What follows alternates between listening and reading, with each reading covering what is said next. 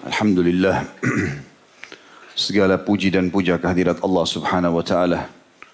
Satu-satunya Tuhan yang kita yakini Pencipta, pemilik, penguasa Semua yang di langit, semua yang di bumi Yang selalu mengatur pergantian siang dan malam Menurunkan hujan, menciptakan bintang-bintang Yang bergelapan di malam hari Juga menerbitkan matahari di pagi hari dengan cahaya yang terang Allah adalah zat yang maha kuat, maha adil, maha bijaksana. Telah memudahkan kita agar menyebutkan puji-pujian kepadanya.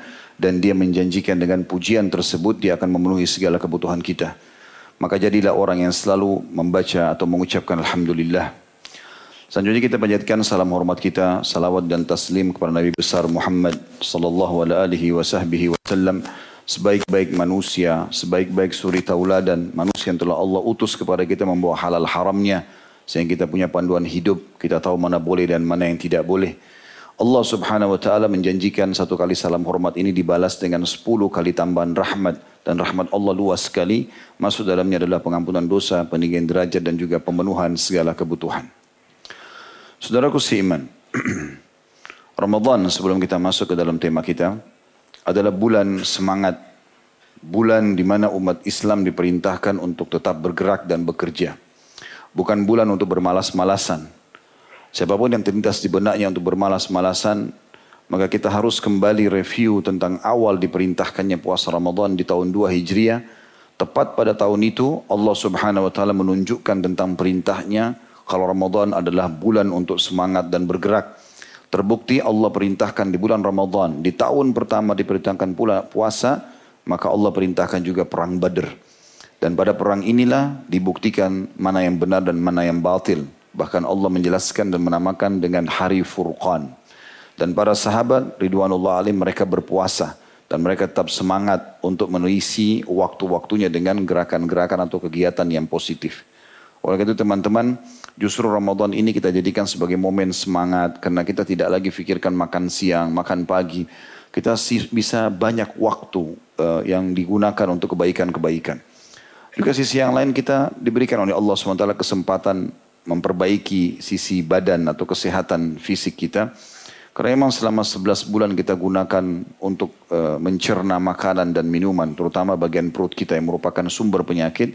Maka di saat sekarang dengan panasnya udara, dengan banyaknya aktivitas di pagi, di siang dan sore hari, maka dengan itu tentunya perut akan mengelola apa pun yang bisa menjadi energi buat tubuh. Maka tidak ada suplai makanan, dia akan mengelola apa pun yang sisa dari perut kita. Yang dulu-dulu mungkin banyak sisa-sisa makanan dan akhirnya menguras banyak sekali makanan dan bakteri yang dikeluarkan dengan izin Allah Subhanahu. Kita akan bahas teman-teman pada siang ini semoga Allah berkahi sahabat yang mulia Abu Dujana radhiyallahu anhu. Salah satu tokoh sahabat yang sangat terkenal sekali dengan keberaniannya. Salah satu simbol yang terkenal dari Abu Dujana radhiyallahu anhu adalah keberanian. Dan keberanian ini luar biasa karena melampaui e, keberanian umumnya orang-orang. Nanti akan kita dengarkan bagaimana kiprah-kiprahnya dalam keberanian tersebut radhiyallahu anhu tapi ini bisa menjadi sebuah poin utama yang akan kita pegangi pada bahasan kita insya Allah. Sahabat yang mulia ini dikenal dengan pemilik ikat kepala kematian. Artinya, kapan ada sebelum masuk Islam, Kapan ada orang yang akan diajak duel ataupun orang mengajak dia berduel, kapan dia menggunakan imamah merahnya, maka berarti dia sudah siap untuk mati. Begitu juga setelah masuk Islam dia membawa ya, sikap itu sampai-sampai di perang Uhud pada saat dia menggunakan imamah. Nanti akan kita ceritakan kisahnya insya Allah. Imamah merahnya, maka orang-orang Ansar Madinah sudah tahu. Mereka mengatakan Abu Dujana telah menggunakan ikatan kepala kematian. Artinya dia tidak akan berhenti sampai dia mati atau musuhnya mati radhiyallahu anhum. Tentu seperti umumnya kisah-kisah sebelumnya setiap bulan Alhamdulillah kita tablik akbar serial sahabat kita belajar dari manusia-manusia terbaik ini karena mereka lah orang-orang yang telah melihat dengan mata kepalanya menjama atau bersalaman dengan tangannya melangkah bersama Nabi Muhammad sallallahu alaihi wasallam. Orang-orang yang langsung mendengarkan dengan kuping mereka sabda Nabi SAW. Sholat di belakangnya, mengantar jenazah bersamanya, jihad bersamanya. Dan ini kemuliaan yang luar biasa. Sampai Abdullah bin Mas'ud berkata radhiyallahu anhu, Allah melihat hati-hati manusia, maka Allah menemukan hati Muhammad lah yang paling bersih dan suci. Maka Allah angkat beliau menjadi manusia atau uh, nabi utusan terakhir. dan diutus khusus untuk atau umum untuk semua manusia dan jin. Sementara nabi-nabi yang lainnya diutus untuk kaumnya. Dan juga Allah melihat hati-hati setelah Nabi Muhammad SAW ditemukan hati para sahabatnya lah yang paling bersih. Maka diangkat mereka menjadi pejuang-pejuang yang mendukung Nabi SAW. Tentu kita bersyukur kepada Allah Subhanahu Wa Taala hidup di zaman sekarang juga. Kalau Allah mudahkan di zaman dulu juga Alhamdulillah. Tetapi perlu kita fikirkan bahwasanya Allah memang memilih mereka khusus.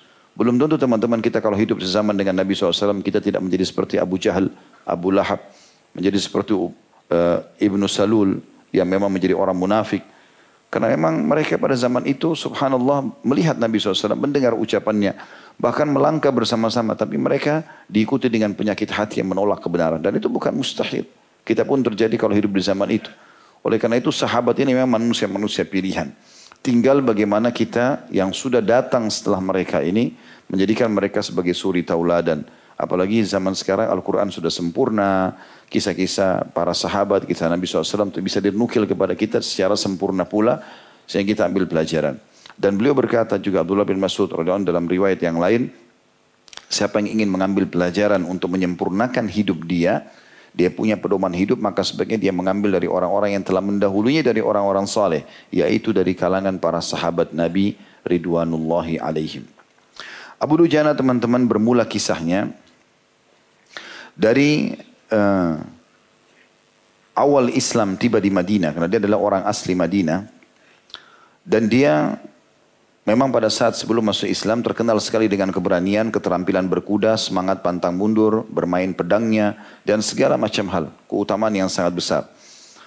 Dan dia masuk Islam tentu saya sudah coba menggali kira-kira di tangan siapa dia masuk Islam, sebabnya apa. Saya tidak temukan secara pribadi tentunya, mungkin keterbatasan ilmu. Dan Intinya dia masuk Islam ya, di tangan para sahabat bersama-sama dengan orang-orang yang masuk Islam dari orang-orang Ansar. Tetapi e, memang begitu masuk Islam karena keberanian sebelum masuk Islam sudah dikenal, itu menjadi sebuah simbol pegangan.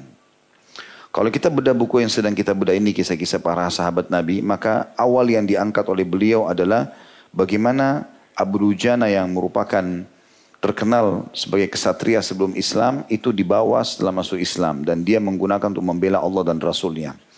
Cukuplah pujian seorang atau seseorang yang bernama Zubair bin Awam radhiyallahu anhu. Sebelum saya bacakan kisah Zubair, kita juga perlu sebutkan dulu nama Abu Dujan adalah Sammah atau Syammah radhiyallahu anhu. Baik yang mengatakan Sammah ibn Khursyah.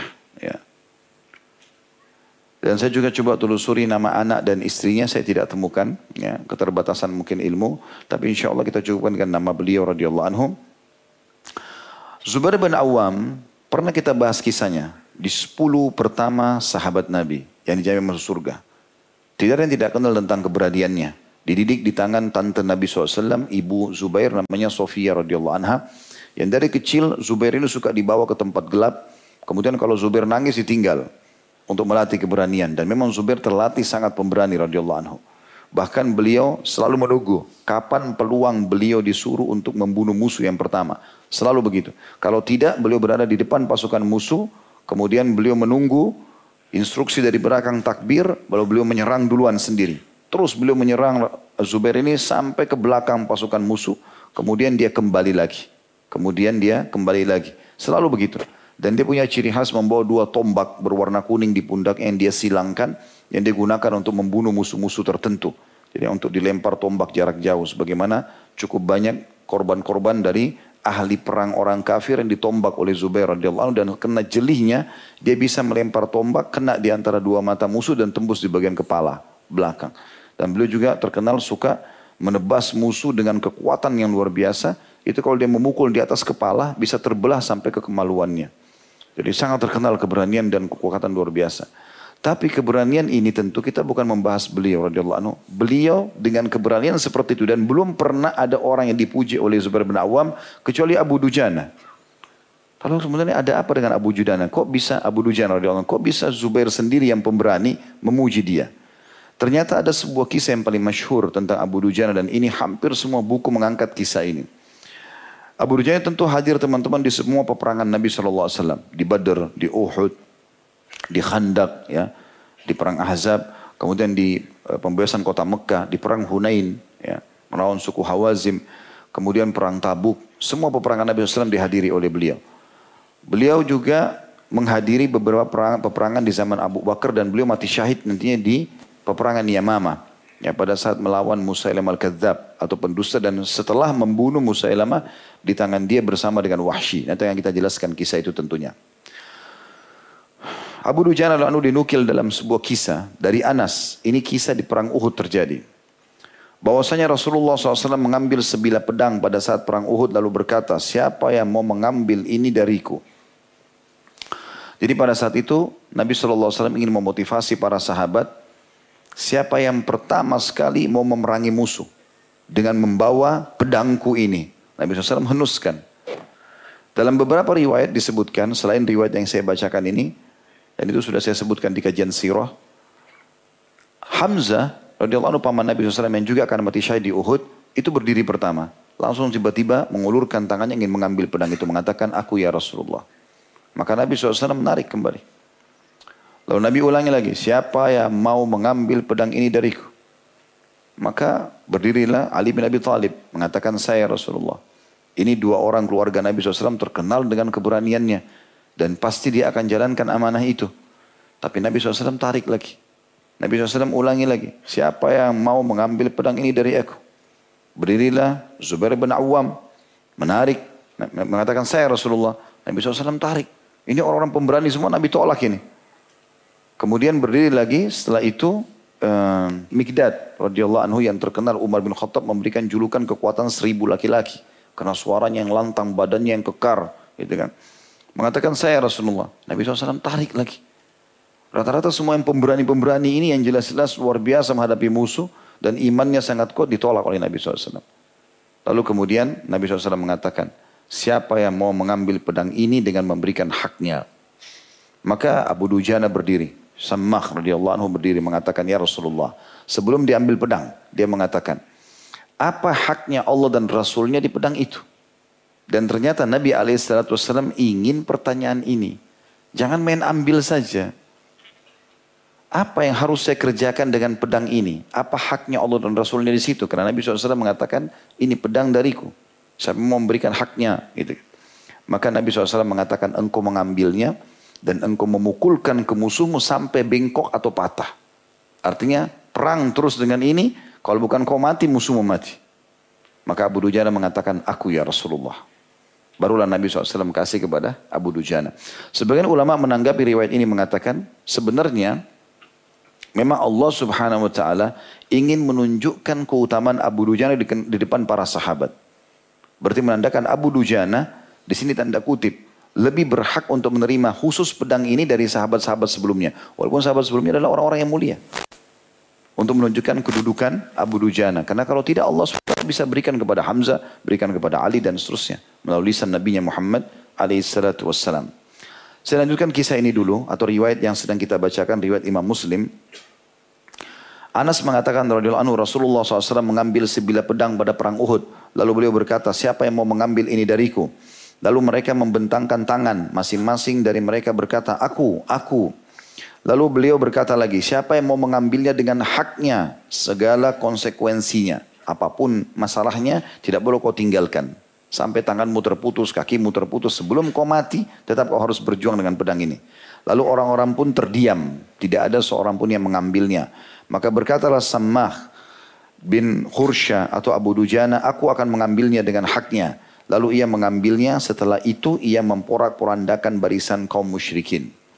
Riwayat tadi yang pertama saya sebutkan riwayat rincian nama-nama sahabat yang ingin mengambil pedang tersebut.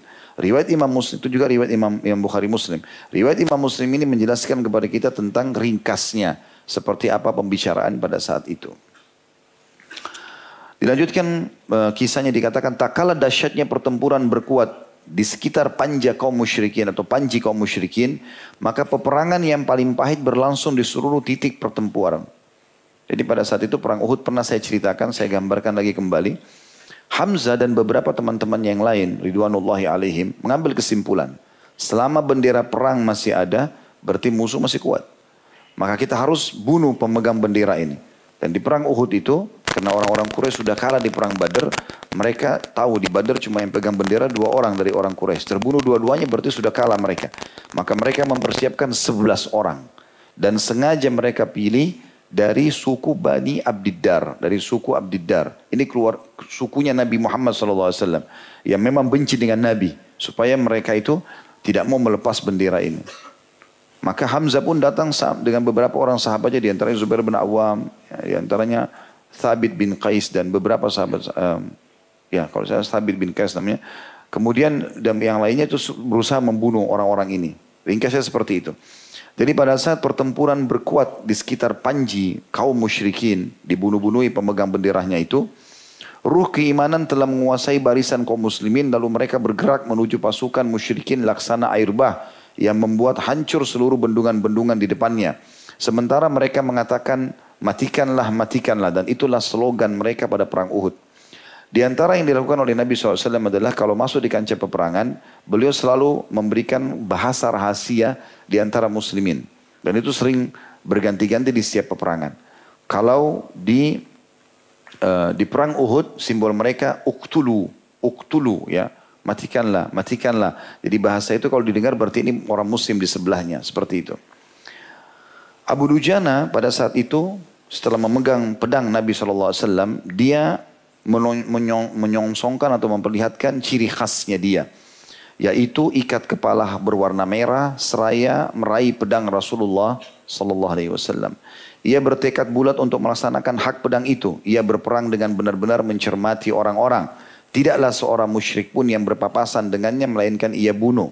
Selanjutnya ia mengoyak-oyakkan barisan kaum musyrikin. Ini masih penjelasan secara umum bagaimana kronologis tadinya Abu Dujana mengambil pedang dan bagaimana kondisi kancah peperangan secara umum. Zubair bin Awam berkata, yang kita ingin titik beratkan poinnya, Aku merasakan kekecewaan pada diriku ketika aku meminta pedang itu kepada Rasulullah sallallahu alaihi wasallam namun beliau menolaknya dan malah memberikannya kepada Abu Dujana. Aku berkata pada diriku sendiri, aku adalah putra Sofiyah, bibinya beliau, maksudnya bibi Nabi SAW, dari suku Quraisy dan aku telah berdiri menghadapnya lalu memohon kepada beliau agar memberikannya kepadaku sebelum Abu Dujana. Namun beliau menyerahkan pedang itu kepada Abu Dujana dan mengabaikanku. Demi Allah, sungguh aku akan melihat apa yang akan diperbuat oleh Abu Dujana. Jadi seorang kesatria muslim yang sangat pemberani dan perkasa menceritakan tentang Abu Dujana juga kesatria yang diakui oleh dia akhirnya. Maka dikatakan, demi Allah, sungguh aku akan melihat apa yang akan diperbuat Abu Dujana. Lalu aku membuntutinya. Kemudian ia pun mengeluarkan ikat kepala merahnya atau miliknya yang berwarna merah. Ia mengeluarkan uh, uh, ikat kepala miliknya yang berwarna merah. Lalu mengikatnya di kepalanya. Maka berkatalah orang-orang Ansar, Abu Dujana telah mengeluarkan ikat kepala kematian. Lalu ia pergi seraya melantunkan syair. Akulah orang yang diberi pesan oleh kekasihku. Maksudnya Nabi SAW. Saat kami di kaki bukit di bawah pohon kurma. Karena waktu Nabi bilang siapa yang mau memberikan hak pedang ini. Di bawah sebuah pohon kurma. Ada bukit di sebelahnya. Agar selamanya aku tidak di barisan belakang. Aku menebas dengan pedang Allah dan Rasulnya. Maka tidaklah ia bertemu seorang pun melainkan ia membunuhnya. Sementara di kalangan kaum musyrikin terdapat seorang laki-laki yang tidak membiarkan korban terluka dari kalangan kami akan bergegas menujunya atau membunuhnya. Lalu masing-masing dari dua orang ini saling mendekat, kata Zubair. Jadi rupanya Abu Dujana dengan pedangnya tadi, setiap dapat orang musyrik ditebas sama dia, dibunuh. Rupanya di pasukan musyrik ada juga satu orang musyrik begitu. Sebuah riwayat lain mengatakan orang musyrik itu tidak terlihat kecuali kelopak matanya saja. Semuanya besi dari kepala sampai kakinya. Kudanya pun ada besi. Kemudian dia selalu melukai umat Islam. Setiap luka dibunuh sama dia. Maka Zubair bin Awam melihat. Abu Dujana dilihat orang itu juga kelihatan. Kata Zubair, lalu aku pun berdoa kepada Allah agar Allah mempertemukan keduanya. Karena dia mau lihat, benar gak ini Abu Dujana jalankan haknya pedang. Tanya kan dia ingin dia yang mendapatkan itu. Mau bukti. Maka dengan izin Allah keduanya pun bertemu. Lalu saling menebas dengan dua kali tebasan. Orang musyrik tersebut menebas Abu Dujana, namun ia menangkis dengan perisainya sehingga menjepit pedangnya. Kemudian Abu Dujana balik menebasnya dan akhirnya berhasil membunuhnya. Kemudian Abu Dujana berkonsentrasi untuk mengacak-acak barisan kaum, barisan musyrikin hingga sampai kepada seorang pemimpin wanita Quraisy di mana ia tidak mengetahui siapa wanita itu. Karena Abu Dujana orang Madinah. Rupanya ada satu perempuan Quraisy ikut berperang yang mencakar-cakar orang yang ditemui. Ya. Dari zaman dulu perempuan biasanya tidak menggunakan pedang, tapi mereka taruh semacam seperti kuku panjang dan ujungnya dikasih racun. Ya. Jadi dia menggunakan kelihayannya, misalnya ada laki-laki mendekat, mungkin dia merayunya, lalu kemudian dia mencakarnya, racun itu sudah bisa mematikan. Maka berkatalah Abu Dujana, aku melihat seorang yang mencakar dengan cakaran yang keras, lalu aku menghadangnya. Tak kala aku mengangkat pedang untuk menebasnya, ia menangis dengan suara keras. Ternyata ia adalah seorang wanita. Maka aku menghormati pedang Rasulullah SAW untuk tidak menebas seorang wanita.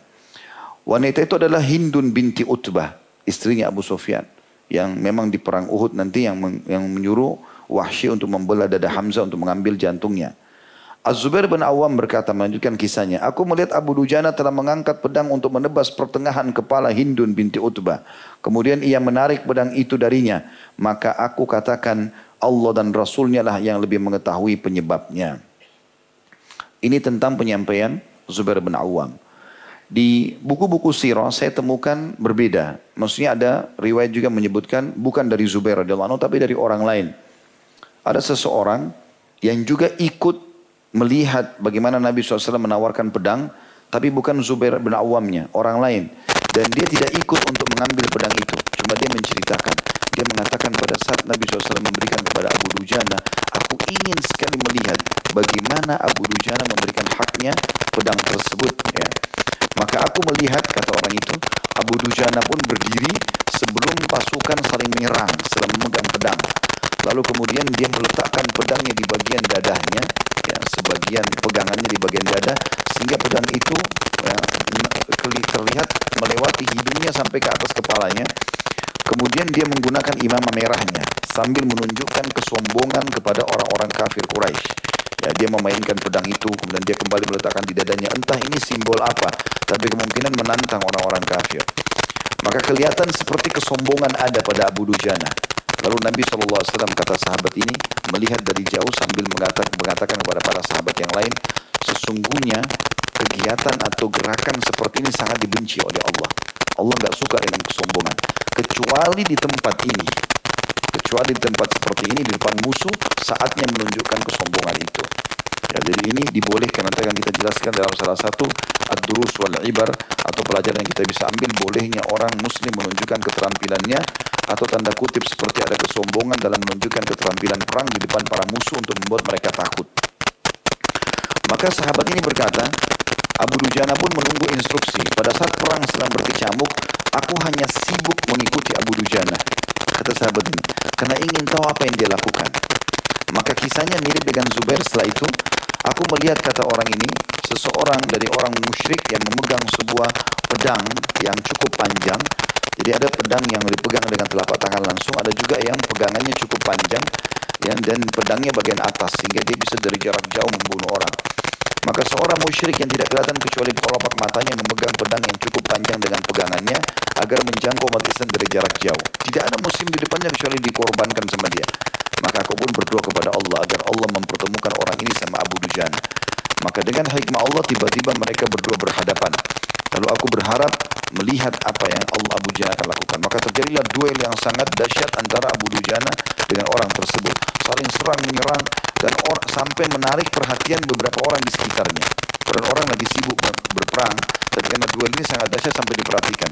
Berhentilah sekelompok orang yang mengelilingi Abu Dujana sama orang tersebut. Baik muslim ataupun orang kafirnya untuk menyaksikan duel mereka karena dahsyatnya. Sampai akhirnya orang tersebut melayunkan pedangnya dengan sangat keras ke perisai Abu Dujana dan Abu Dujana menangkisnya. Saking kerasnya membuat perisai itu retak dan membuat pedang orang musyrik itu melekat. Lalu Abu Dujana pun balik menyerang dengan meletakkan pedang Rasulullah SAW di atas kepala orang itu dan membelahnya menjadi dua. Dan ini kalimat membelah menjadi dua ini luar biasa. Saya kadang-kadang masih belum bisa menangkap bagaimana kekuatan ayunan tangan itu. Ya, dari kepala sampai ke kemaluan terbelah dua itu bukan luar biasa. Itu itu hal yang bukan biasa, yang luar biasa. Sampai menjadi perhatian orang pada saat itu. Darah ke sana sini muncul orang ini meninggal, mati. Maka orang ini rupanya yang mengingat yang melihat Abu Dujana, Abu Dujana tahu dia orang itu sedang lihat dia.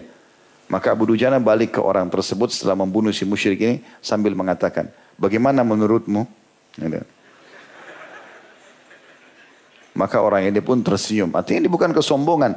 Tapi karena dia tahu orang ini ternyata memang ingin melihat apa yang dia lakukan. Dan ini riwayat yang paling banyak dinukil tentang kisah Abu Dujana radhiyallahu anhu. Abu Dujana terkenal sekali setelah dia masuk di kancah Uhud itu ada pembelaan khusus untuk Nabi wassalam yaitu dia menjadikan tubuhnya sebagai tameng dari anak panah dan tombak yang dilempar oleh orang-orang musyrik di akhir perang Uhud pada saat muslimin sedang terdesak. Jadi saya pernah gambarkan perang Uhud ya, kurang lebih 700 pasukan muslim, 650 di kancah peperangan, 50 eh, orang ada di gunung pemanah. Kemudian eh, orang-orang musyrik 3000 orang, dibagi jadi dua, 2800 di kancah peperangan yang menghadapi 650 sahabat dan ada 200 di sebuah lembah yang memantau 50 pemanah Nabi SAW. Di awal peperangan umat Islam memenangkan peperangan. Tentu sudah masyhur kisahnya tentang 50 orang pemanah ini ada 43 di antara mereka yang turun dari bukit sementara Nabi SAW larang itu. Nabi SAW titip pesan kepada Abdullah bin Jubair radhiyallahu anhu dan juga ini Abdullah bin Jubair ya bukan bin Zubair ini berbeda. Ini ahli panahnya sahabat. Jangan kau dan orang-orang mau turun dari bukit pemanah kecuali ada instruksi dari aku menang atau kalah. Ternyata waktu di awal peperangan Hamzah dan teman-temannya berhasil menjatuhkan bendera orang-orang musyrik dan menanglah muslimin. Seluruh orang-orang musyrik melarikan diri yang 2000 orang itu. Maka jatuhlah bendera mereka, banyak harta rampasan perang. 43 orang dari pemanah Nabi SAW turun. Abdullah bin Jubair ingatkan, jangan, gak boleh. Nabi SAW ingatkan begini, udah gak ada musuh, coba lihat.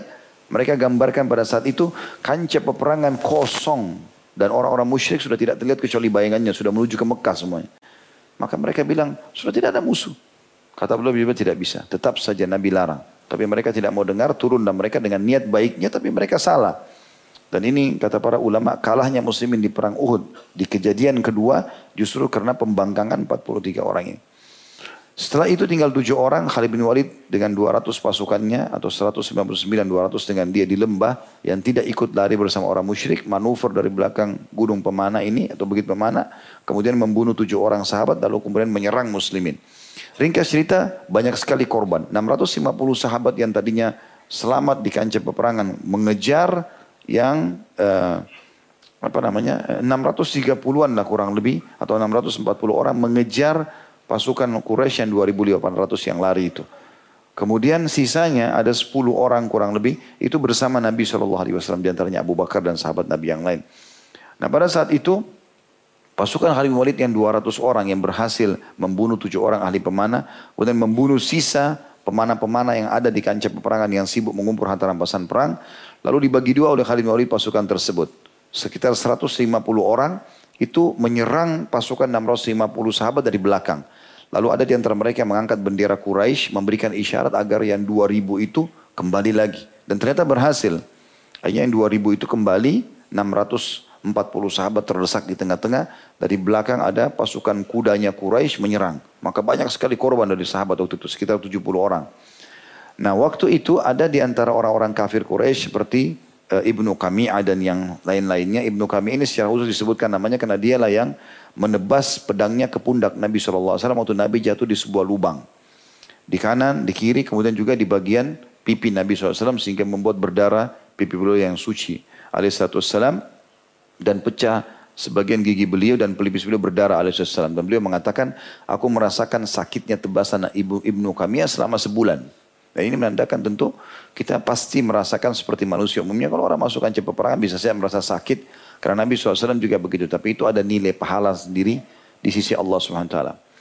Kemudian teman-teman sekalian, datanglah beberapa orang-orang dari 50 orang kurang lebih dari pasukan Khalid bin Walid ini yang berusaha menyerang Nabi SAW. Di situlah peran beberapa orang sahabat. Ada dua yang sangat terkenal. Talha bin Ubaidillah dan Abu Dujana. Samah ibn Khursyah radhiyallahu anhu majma'in. Ini dua orang yang sangat terkenal. Talha juga melindungi Nabi SAW dengan badan, badan dengan badannya untuk dilempar dengan panah. Abu Dujana juga sama. Saya belum menemukan uh, korelasi dari dua riwayat, tapi dua riwayat ini berbeda. Talha sama melindungi Nabi SAW dengan badannya, sehingga banyak panah yang kena dan Talha sempat pingsan. dan kemudian dia terbangun sadar lalu dia memikul Nabi SAW naik di atas bukit. Ada juga riwayat tentang Abu Dujana, dia juga sama. Melindungi Nabi SAW dengan badannya sehingga penuh dengan darah dan ini juga dinukil dalam banyak riwayat. Kemungkinan besar kalau kita coba pertemukan dua riwayat ini adalah dua-duanya melindungi Nabi SAW karena banyaknya anak panah dari orang Quraisy yang terarahkan ke arah baginda Nabi SAW. Dalam buku kita ditulis tentu di halaman 193 di situ pembelaannya terhadap Nabi Muhammad SAW. Dikatakan pada perang Uhud Abu Dujana radhiallahu tetap tegar. Ia menjadikan dirinya sebagai perisai Rasulullah SAW. Ia membungkukkan punggungnya ke atas beliau. Yaitu Nabi SAW ada di lubang kemudian ditarik keluar. Lalu beliau melindungi Nabi SAW dengan punggungnya. Sementara anak-anak panah melesat ke arahnya hingga banyak sekali luka-luka mengenainya. Perang Uhud belum berhenti hingga ia menghempaskan dengan pedangnya sekitar beberapa eh, beberapa orang punggawa Quraisy. Ya.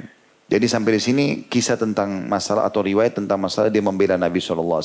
Tapi intinya dia punya kiprah yang sangat besar.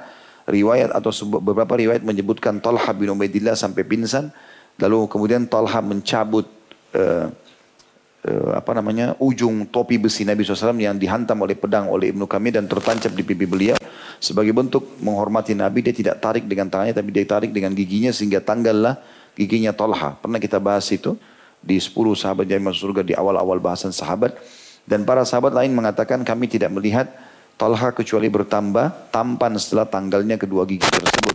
Karena Allah SWT berikan itu kepada dia. Tadi dia tampan maka Allah berikan ketampanan yang lebih. Gitu kan. Kalau Abu Dujana hanya dikatakan dia berlumuran darah dan penuh dengan darah sampai Orang-orang Quraisy pun datang, eh, banyak yang melemparkan anak tombaknya, anak panahnya, bahkan ada yang menebaskan pedangnya, tapi Adunya menjadikan tubuhnya sebagai tameng. Jadi ini termasuk kiprahnya di perang Uhud. Begitu juga ada peperangan yang lain yang disebutkan kiprahnya. Abu Dujan al-Ansari radhiallahu ikut serta dalam peperangan Nabi SAW termasuk pada bulan atau pada bulan Rabiul Awal tahun 4 Hijriah.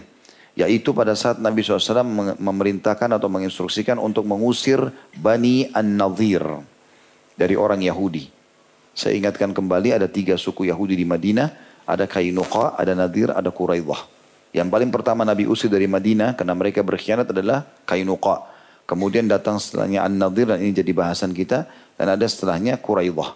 Kalau Kainuqa karena membunuh seorang muslim di pasar mereka, maka Nabi SAW minta pembunuhnya mereka tidak mau kasih, lalu Nabi kepung lalu diusir. Kalau Bani Nadir yang jadi bahasan kita sekarang itu karena Nabi SAW pernah ingin membayar dia atau denda seorang sahabat pernah membunuh seorang dari suku Arab yang lain yang kebetulan mereka masih musyrik dan mereka bersekutu dengan suku Nadir. Maka Nabi SAW ingin titipin, ini dia hanya bayarin ke sana. Beliau tidak ingin kirim sahabatnya, jangan sampai sahabatnya dibunuh oleh mereka nantinya. Rupanya pada saat masuk di pemukiman orang-orang Nadir ini, Nabi SAW tunggu di, di bawah rumah seseorang di antara mereka. Dan Nabi mengatakan, aku pun menunggu karena mereka bilang, hai Muhammad tunggulah. Lalu orang-orang Nadir mengatur sebuah strategi atau siasat buruk. Dia, mereka mengatakan tidak ada peluang membunuh Muhammad lebih baik daripada sekarang. Maka pada saat itu pun akhirnya Naiklah seseorang di atas rumah dan ingin melemparkan batu ke arah Nabi SAW dan Jibril datang menyampaikan berita tersebut. Lalu Nabi SAW pulang, membentuk pasukan mengepung suku Nadir.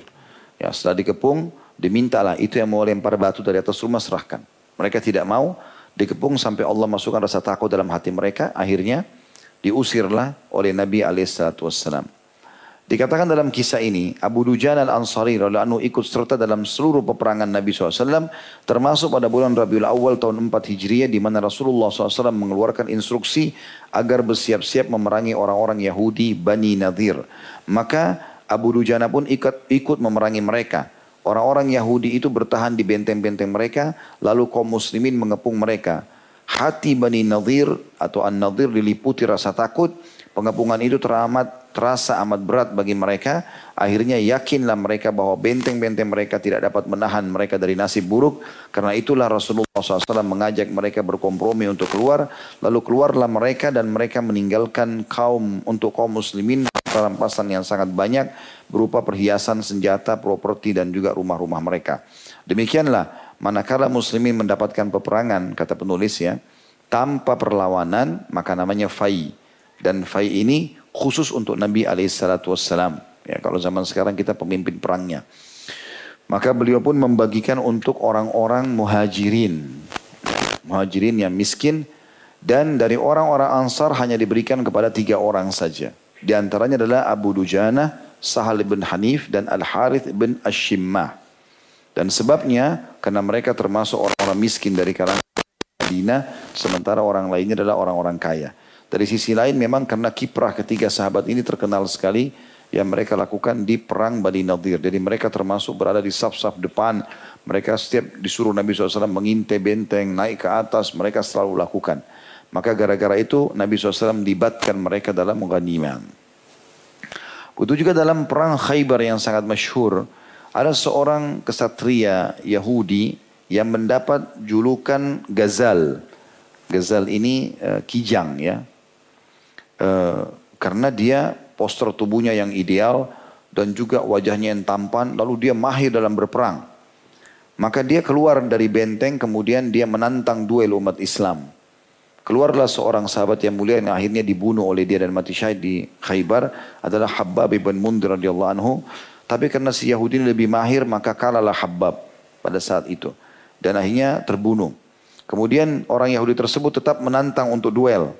Kemudian keluarlah seorang dari muslimin. Namun sayang juga terbunuh di tangan orang Yahudi ini. Orang Yahudi tersebut tetap dengan sombongnya menunjukkan kalau dia butuh orang yang bisa mengalahkannya. Maka pada saat dia tantang ketiga keluarlah Abu Dujana radhiyallahu dan Abu Dujana akhirnya membunuh si Yahudi tadi. Ya, dengan tentu peperangan yang banyak dinukil dalam kisah-kisah. Abu Dujana keluar, kemudian melantunkan beberapa syair. Yahudi itu juga melantunkan syair. Kemudian mulailah Abu Dujana melawannya. Hanya dengan beberapa gerakan saja dikalahkan oleh Abu Dujana dan terbunuhlah si Yahudi tadi.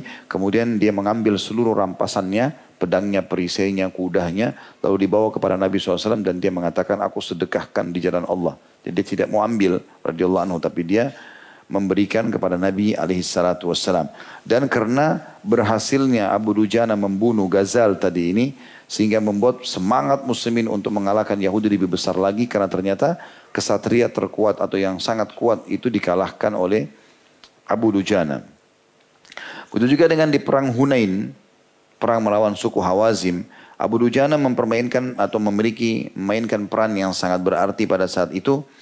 Ada seseorang dari laki-laki dari Bani Hawazim di perang Hunain menunggangi seekor unta merah dengan memegang tombak panjang. Dengan tombak itu ia banyak menewaskan kaum muslimin. Maka Abu Dujana menghadangnya. Lalu berhasil memotong urat lutut untanya. Kemudian datanglah Ali bin Abi Thalib radhiyallahu jemain sang kesatria Islam lalu menebas tangan kanannya orang musyrik itu. Lalu Abu Dujana juga dari kejauhan mempercepat memicu kudanya dan memotong tangan kiri orang musyrik tersebut lalu keduanya membunuhnya secara bersamaan. Dan Abu Dujana pada saat itu ya diberikan julukan sebagai orang yang pemberani karena di perang Hunain pada saat itu muslimin sudah dikalahkan di awal-awal. Kurang lebih ada 12 ribu pasukan muslim itu tidak tertinggal di kancah peperangan kecuali 100 orang saja dan di antaranya adalah Abu Dujana termasuk 100 orang tersebut yang Nabi SAW jamin surga bagi mereka. Dan mereka menyaksikan banyak pertolongan Allah datang pada saat itu. Di antaranya mereka melihat langit dipenuhi dengan uh, seperti serangga yang berwarna hitam. Yang pada saat jatuh ke badan muslimin itu membuat uh, jatuh kena langsung jatuh ke tanah dan tidak mengganggu. Tapi pada saat jatuh di tangan atau di tubuh orang musyrik maka membuat mereka luka dan akhirnya terbunuh. Makanya pada buyar pada saat itu. Dan itu karena kekokohan 100 orang ini di antaranya Abu Dujana radhiyallahu anhum. Disebutkan juga dalam kisah yang lain tentunya masalah uh, kita lepaskan atau tinggalkan dulu masalah peperangan nanti akan kita kembali di perang Yamama di akhir hidup beliau radhiyallahu anhu. Zaid bin Aslam ini menceritakan tentang akhlaknya Abu Dujana dan ada satu karamah, kelebihan yang diperlihatkan oleh Allah SWT dari Abu Dujana. Yaitu pada saat beliau mau meninggal dunia, ya, tentu pada saat dia mau meninggal dunia di kancah peperangan ya, badannya berumuran darah segala macam, maka hampir semua sahabat yang hadir di situ melihat ada cahaya yang keluar dari wajahnya. Radiyallahu anhu. Jadi keluar cahaya yang sangat terang. Jadi bukan cuma sekedar kita lihat karena orang putih misalnya, enggak. Memang bercahaya seperti keluar cahaya lampu gitu. Maka ada seseorang bertanya kepadanya, Kenapa bisa wajahmu bercahaya hai Abu Dujana? Padahal dia sudah berdarah-darah dan mau meninggal dunia. Maka dia menjawab kalimat dan ini menjadi pelajaran. dari sisi akhlaknya tentunya. Dia mengatakan tidak ada suatu amalan pun yang lebih meyakinkan bagiku daripada dua hal. Artinya aku sangat yakin. Kalaupun cahaya ini kau lihat di wajahku, maka berarti karena dua, salah satu dari dua amal ini atau dua karena dua-duanya. Yang pertama, aku tidak pernah berbicara tentang sesuatu yang bukan merupakan urusanku. Dan ini termasuk hal yang mendasar sekali nanti kita kita bahas itu ya dalam durus wal ibar salah satu pelajaran penting yang membuat bisa husnul khatimah atau orang meninggal dalam keadaan baik, dia selama hidupnya tidak mengurus sesuatu yang bukan urusannya. Dan yang kedua adalah hatiku selalu bersih terhadap kaum muslimin. Ini juga akan kita jadikan pelajaran sendiri nanti merincikan dalil-dalil tentang bagaimana manfaatnya dan keutamaan orang yang membersihkan hatinya dari hasad ataupun dari benci dan dendam kepada kaum muslimin. Kata penulis, mana akhlak dan kemudian itu sekarang wahai kaum muslimin? Banyak sekali orang yang menisbatkan diri kepada Islam namun tidak pernah terputus walau sekejap pun dari membicarakan kehormatan kaum muslimin. Masalah ini telah menjadi telah menjadi jadi sedemikian rupa. Bahkan lebih dari itu mereka berani memperbincangkan kehormatan ulama kaum muslimin. La haula wala quwata illa billah. Artinya bukan cuma itu, banyak di antara kaum muslimin sekarang bukannya hanya sekedar tidak membicarakan apa yang tidak penting bagi mereka, bahkan bisa mendatangkan besar. Orang yang baru belajar agama sudah bisa bicara tentang ulama fulan ini salah, ulama fulan itu salah, syekh ini salah, syekh itu salah, gitu kan. Adapun tentang sifat yang satu lagi, maksudnya adalah tidak menanamkan rasa benci di antara di, di, dalam hatinya kepada muslimin. Kata dia, maka saya mau bertanya kata penulis atas nama Allah kepada anda semua. Siapa di antara kita yang melewati satu malam tanpa ada suatu kedengkian, hasad dan dendam dalam hati terhadap salah satu dari kaum muslimin. Ya. Kemudian beliau mengatakan selamatlah bagi orang yang kedua matanya berbinar-binar melihat sekumpulan sahabat Nabi Ridwanullah alaihim yang diberkahi ini. Bahkan selamat dan selamat bagi orang yang telah melihat Al-Habib alaihi salatu wassalam. Maksudnya adalah beliau ingin menitik beratkan bahwasanya ini adalah sebuah sifat yang mulia. Selain kesatria, Abu Dujanya punya sifat yang luar biasa. Tidak pernah mau campuri yang bukan urusannya dan tidak pernah menanamkan kebencian dalam hati dalam hatinya dari kaum muslimin. Walaupun orang itu berbuat kejahatan. Nanti akan kita sebutkan sekali lagi dalam pelajaran kita insya Allah dan ini adalah didikan yang langsung dari Nabi SAW karena dia mengambil petunjuk ilmu dan akhlak dari beliau. Dan beliau juga karena ya, ikhlas dalam menerima itu semua maka Allah pun mudahkan dia untuk mengamalkan karena biar kita tahu teori syar'i saudaraku seiman kalau kita tidak ikhlas dan tidak niat mau mengamalkan maka Allah pun tidak memudahkan kita untuk mengamalkan. Sering banyak eh, sebagian ulama mengatakan kalau Allah mudahkan lisan mengucapkan astagfirullah atau terdorong merasa menyesal dari dosa, berarti Allah inginkan kebaikan untukmu. Berarti kau terdorong untuk bertaubat dan Allah akan terima itu. Tapi yang jadi masalah adalah kalau kau terus berbuat dosa dan Allah tidak pernah mengirimkan sinyal hidayahnya sehingga memang berarti menandakan kau sangat buruk dan jauh dari Allah subhanahu wa ta'ala.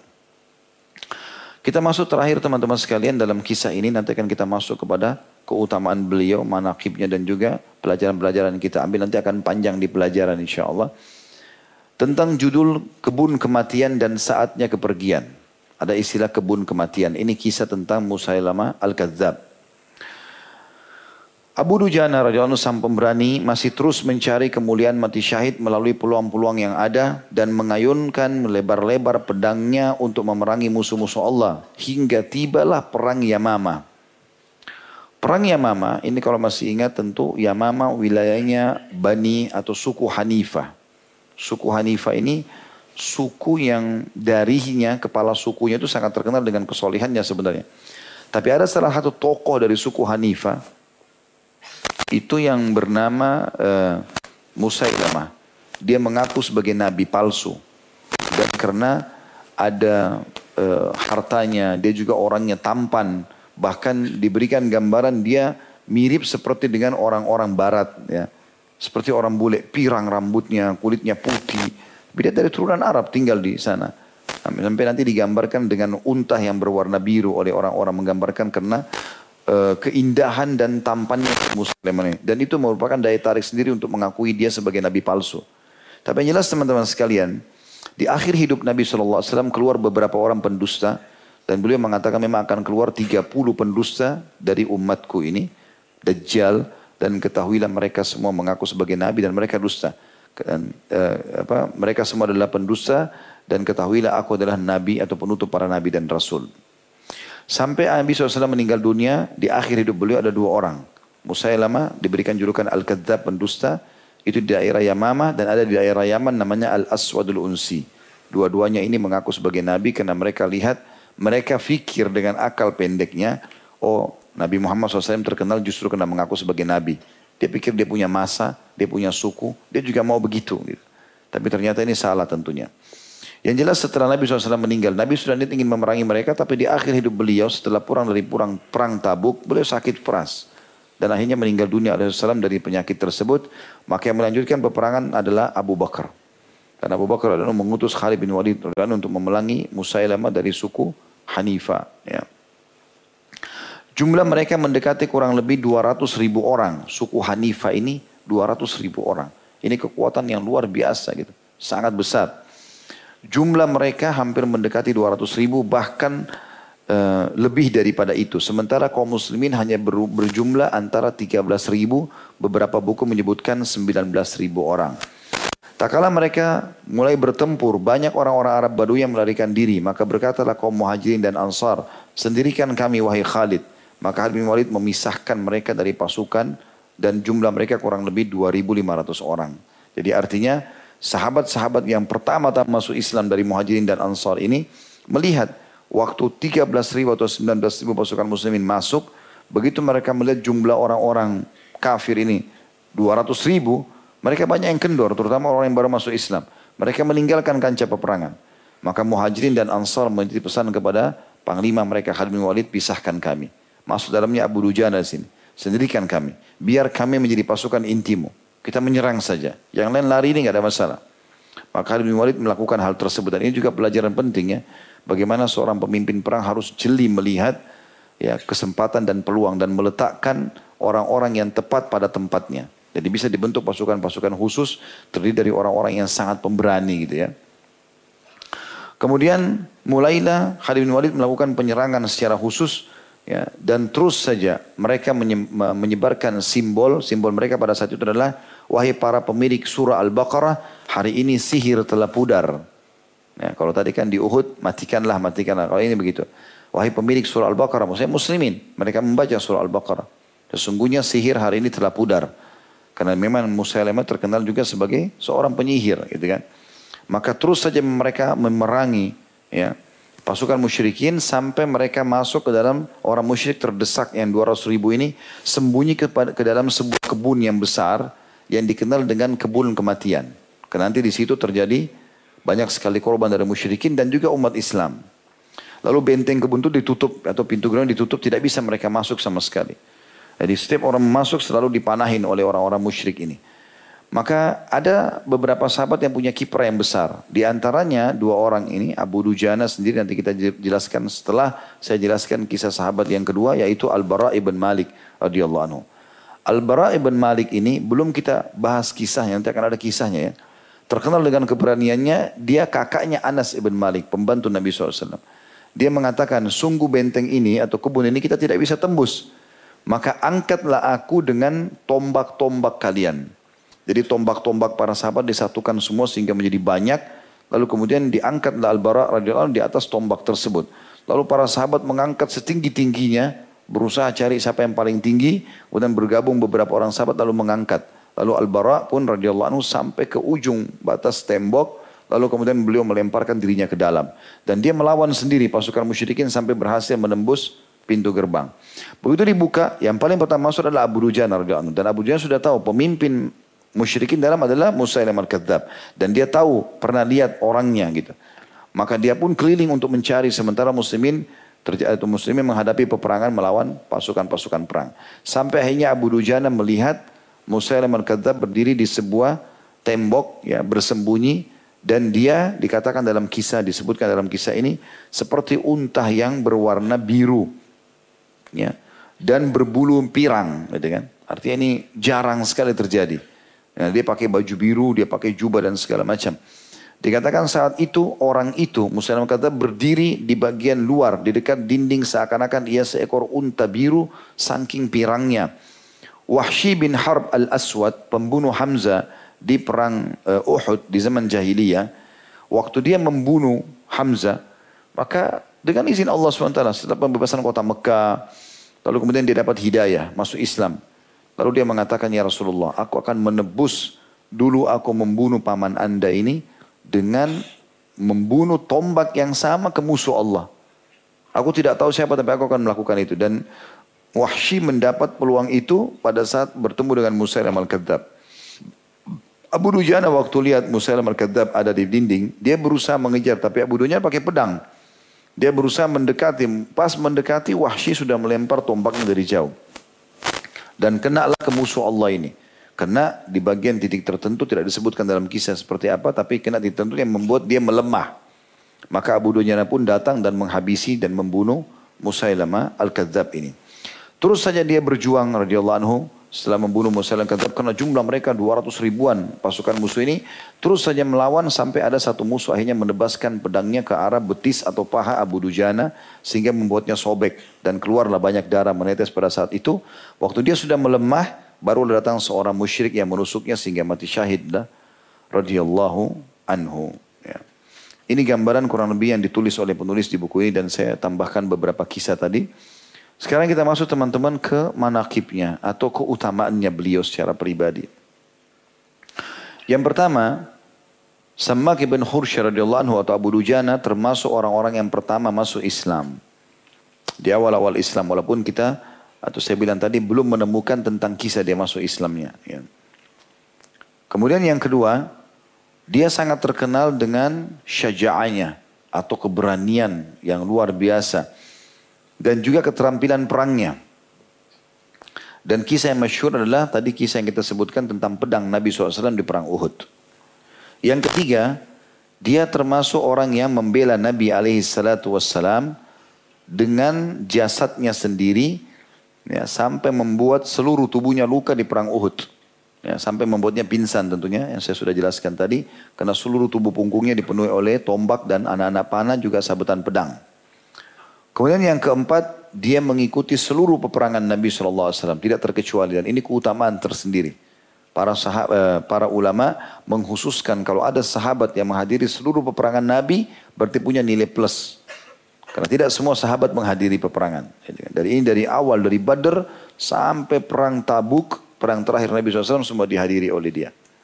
Dan yang paling masyur adalah kisahnya tadi di Uhud, bagaimana pembelaan terhadap Nabi SAW, kemudian juga bagaimana pedang Nabi SAW dia terima, kemudian suku Bani Nadir tadi, dan juga di perang Khaybar, Hunain, bahkan dia sempat membunuh di di di masa kejayaannya Abu Bakar, Musailam al-Kadzab atau Nabi palsu. Yang kelima, dia memiliki akhlak yang sangat luar biasa. Di antara akhlak yang menonjol sehingga membuat wajahnya bercahaya pada saat akan meninggal dunia adalah dia tidak pernah berbicara yang bukan urusan dia dan yang kedua hatinya selalu bersih dari membenci dan dendam terhadap kaum muslimin. Yang terakhir adalah dia mati syahid di Yamama dan dia berhasil membunuh Musailama al-Kadzab. Tentu ini keutamaan sendiri. Karena kata Nabi SAW tidak akan bersatu antara seorang muslim dan kafir di dalam neraka.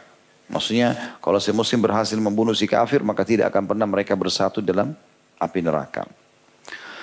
Sekarang masuk teman-teman ke inti sebenarnya dari setiap kali pertemuan kita masalah pelajaran yang bisa diambil.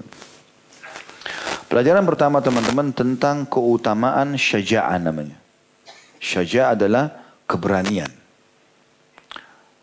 Syaja'ah itu ya, sendiri dalam bahasa Arab diddul jubun atau jabun. Lawannya pengecut. Dan seorang muslim atau setiap muslim haram hukumnya jadi pengecut. Bagaimana kita membedakan atau bagaimana kita memahami kedua poin ini? Syaja'ah ulama mengatakan adalah harus pada kebenaran. Asyaja'atu takunu fil haqq. Kalau dia berani membela kebenaran dan benar di dalam mata Allah atau dalam hukum Allah, membela agama, membela, membela Nabi SAW, membela kaum muslimin, ya, membela tempat-tempat yang disucikan seperti Mekah misalnya, Madinah, Palestina atau Aqsa, semua ini masuk dalam istilah syaja'ah dan dia digunakan dalam banyak hal. Tapi puncaknya pada peperangan. Tapi banyak hal nanti akan kita jelaskan. Dia akan digunakan dalam banyak hal.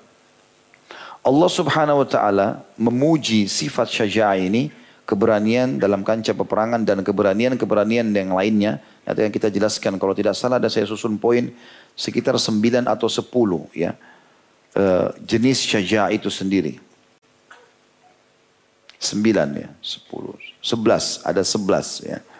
Kurang lebih bentuk syaja'ah yang mestinya setiap muslim memilikinya. Kalau masalah peperangan, Allah Subhanahu wa taala menyebutkan di dalam beberapa ayat di antaranya surah Al-Baqarah surah nomor 2 ayat 244. A'udzu billahi minasyaitonir rajim wa qatilu fi sabilillahi wa'lamu annallaha samiun alim. Berperanglah kalian di jalan Allah. Artinya harus berani pergi. Tidak boleh takut. Lawan.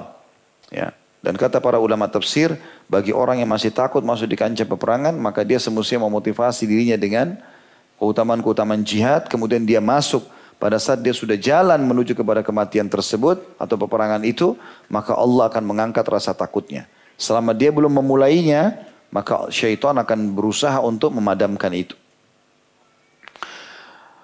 Dan perang berperang di jalan Allah ada perintah di sini dan ketahuilah Allah itu maha mendengar dan maha mengetahui. Juga dalam surah Al-Anfal surah nomor 8 ayat 60 A'udzu billahi minasyaitonir wa iddu lahum mastata'tum min quwwatin wa min ribatil khairi turhibuna bihi aduwallahi wa aduwakum. Al-ayah. Dan persiapkanlah yang terbaik semampu kalian dari segala jenis kekuatan yang kalian miliki. Kata ulama kekuatan maksudnya keterampilan. Masuk dalamnya keterampilan memanah, eh, menunggangi kuda, melempar tombak, kalau sekarang menembak, ya mungkin apalah membawa mobil perang, pesawat tempur, semua masuk dalamnya. Karena Allah bilang persiapkan semua yang terbaik yang kalian mampu dari segala jenis kekuatan dan juga dari uh, penunggangan kuda yang bisa menakut-nakuti musuh-musuh Allah dan musuh-musuh kalian. Dan ayat tentang masalah ini cukup banyak berhubungan dengan masalah motivasi untuk berperang atau jihad. Nanti kita sebutkan di keutamaan jihad dan mati syahid tentunya. Yang kedua, jenis syaja'ahnya atau keberanian dalam kebenaran ini adalah qaulul haq wa anhu. Berbicara yang benar dan mempertahankan kebenaran itu. Tanpa peduli. Tidak usah takut. Walaupun di depan kita itu orang yang punya kedudukan, punya jabatan. Bahkan kepada Pemimpin yang zalim pun boleh mengucapkan kalimat yang benar. Karena, karena Nabi SAW mengatakan dalam hadis riwayat Abu Dawud, Tirmidhi, Ibnu Majah dengan sanad Hasan, afdalul jihad kalimatul haqqi inda inda sultanin jair. Jihad yang paling afdal adalah perkataan yang benar diucapkan pada sultan atau pemimpin yang buruk atau jair. Jair artinya buruk, fasik, jauh dari agama, melakukan kemaksiatan itu.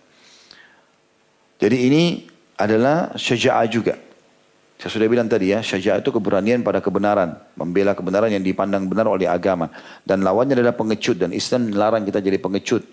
Makanya Nabi SAW juga selalu berdoa kepada Allah SWT agar dijauhkan dari sifat pemalas dan pengecut. Kasal wal jubun. Ya. Kemudian yang ketiga, bentuk syaja'ah adalah maskun nafs indal ghadab. Atau menahan diri pada saat emosi. Itu termasuk syaja'ah. Ya, jadi kita bisa mengontrol emosi pada saat puncaknya lagi marah. Itu masuk dalam syaja'ah. Dan itu disebutkan dalam hadis Bukhari di mana Nabi SAW bersabda, "Laisa sur'atu bil ghadab, walakinna sur'atu man malaka nafsahu indal ghadab." Bukan keperkasaan itu, kejantanan, kebijaksanaan, kedewasaan dinilai dari emosionalnya seseorang. Tapi semua itu bisa dinilai dari ya, pada saat dia bisa mengontrol dirinya dari uh, sifat marah. Ya. Jadi orang dianggap bijaksana, perkasa, hebat, ya. Maka itu kalau dia bisa mengontrol dirinya dari emosi. Ya, ini pernah saya jelaskan juga ya. Jadi biasanya orang subhanallah kalau belajar bela diri makin tinggi ilmunya, maka makin merendah dia. Seperti orang tidak tahu kalau dia punya ilmu bela diri. Begitu dia diganggu mungkin dia akan tunjukkan keterampilan. Tapi kalau orang baru belajar satu dua jurus memang suka cari macam-macam di jalanan. Hmm. Kemudian yang keempat masuk dalam jenis syaja'ah, keberanian yang benar adalah asyaja'atu fi raddi ayyi ma'siyah. Keberanian dalam menolak semua jenis kemaksiatan. Itu juga kejantanan tuh. Jadi ada kesempatan diajak berzina dia tolak. mencuri dia tolak. Nah, ini butuh kebesaran jiwa. Apalagi kalau yang ajak dia atasannya misalnya. Di kantor suruh dia mencuri sama-sama nanti dibagi. Atau yang ajak dia misalnya perempuan atau laki-laki memiliki ketampanan, kecantikan, ketampanan. ya Punya kelebihan apalah yang bisa menggoda dia. Justru pada saat dia menolak pada saat itu, itu punya sifat syaja'ah. Dan itu Allah SWT sebutkan misalnya dalil dalam surah An-Nazi'at. Ya, ayat 40 sampai 41. A'udzu billahi minasyaitonir rajim wa amma man khafa maqama rabbih wa nahan nafsa 'anil hawa fa innal jannata hiyal ma'wa. Adapun orang yang takut kepada kedudukan Tuhannya lalu kemudian dia mengontrol dirinya dari hawa nafsu. Justru dia menahan. Ada peluang berzina, orang telepon, orang WA, orang ajak dia segala macam hal dan ini besar sekali peluangnya. Karena perempuan itu cantik kalau laki-laki itu tampan atau punya kelebihan segala macam. Maka dia pun mengontrol dirinya. Dia punya keberanian untuk menolak itu. Enggak, saya enggak mau karena ini haram dalam agama. Maka surgalah balasannya. Surgalah balasannya. Tentu ini uh, mirip dengan uh, atau uh, statement para ulama yang mengatakan kalau ada orang meninggalkan dosa karena tidak punya peluang, ada orang tidak zina karena enggak ada peluangnya. Maka ini biasa saja. Tapi kalau ada orang yang sedang digoda lalu dia bertahan, ini yang dimaksud dengan syaja'ah di sini atau keberanian tadi. Kemudian yang kelima, termasuk dalam syaja'ah adalah difa'anil hukuk, membela hak-hak pribadi. Maksud dalamnya adalah al-ahal wal mal wal ard, ya. Maksudnya keluarga, kemudian harta, kemudian nama baik, ya. Jadi kalau dicoreng kita bela diri. Itu Allah subhanahu wa ta'ala, eh, maaf, Nabi SAW menyebutkan dalam hadis yang sahih riwayat An-Nasai. Kata Nabi SAW, Man qatala duna malihi faqutila fahuwa syahid. Barang siapa yang berperang membela hartanya yang mau dirampas orang lain, maka kemudian dia terbunuh, maka dia mati syahid. Kemudian dikatakan, Wa man qatala duna malihi fahuwa syahid. Siapa yang membela dirinya, ya, atau membela darahnya, orang mau bunuh dia, lalu dia membela diri. Maka kalau dia terbunuh, dia juga mati syahid. Oman qatala duna ahli fahuwa syahid. Dan siapa yang terbunuh karena membela keluarganya, istri anaknya misalnya mau diganggu oleh penjahat, lalu dia bela sampai dia terbunuh, maka dia pun mati syahid. Juga dalam hadis yang lain riwayat Bukhari, Muslim dan Tirmidzi, kata baginda Nabi SAW, "Man kutila duna mali fahuwa syahid." Siapa yang terbunuh karena membela hartanya supaya jangan dirampas orang lain, dia mati syahid. Ini tentu keberanian. Ya, syaja'ah namanya. Dia nggak boleh biarkan harta yang diambil oleh orang lain. Dan ini juga ada riwayat lain, riwayat An-Nasai menguatkan ini. Ada seorang sahabat mengatakan, Ya Rasulullah, bagaimana pendapat anda kalau seandainya ada orang yang mau mengambil hartaku? Kata Nabi SAW, perangi dia. Lawan. Kata dia, Ya Rasulullah, kalau dia melawan, maka perangi dia, kata Nabi SAW. Bagaimana kalau aku terbunuh? Bagaimana kalau aku membunuhnya? Kata Nabi SAW, tidak ada hukuman bagimu. Bagaimana kalau aku yang terbunuh? Kata Nabi SAW, kau mati syahid. Ya. Lanjutan hadisnya, jadi potongan pertama, man kutila duna mali fahuwa syahid. Siapa yang terbunuh membela hartanya, maka dia mati syahid. O man kutila duna damihi fahuwa syahid. Siapa yang juga mati terbunuh karena membela darahnya supaya jangan dia disakiti, maka dia juga mati syahid. O man kutila duna dinihi fahuwa syahid. Siapa yang membela, terbunuh karena membela agamanya, maka dia juga syahid. O man kutila duna ahli fahuwa syahid. Dan siapa yang terbunuh karena membela keluarganya, maka dia pun syahid. Tentu yang dimaksud dengan ahal sini, lebih tepatnya itu adalah ayah, ibu, istri, suami, anak ya. Semua itu masuk di dalamnya. Kemudian yang keenam, termasuk syajah adalah al-i'tiraf adal khata. Mengakui kesalahan. Ini juga masuk dalam syaja'ah. Ya. Bagaimana orang kalau salah, dia bilang, iya saya salah. Itu berarti keberanian. Dia tidak sembunyi dengan itu. Ya. Sama dengan kalau orang utang, ya. Dia tidak bisa bayar, datang kepada orang. Saya belum bisa bayar. Itu syaja'ah namanya. Minta, saya minta, bagaimana solusinya?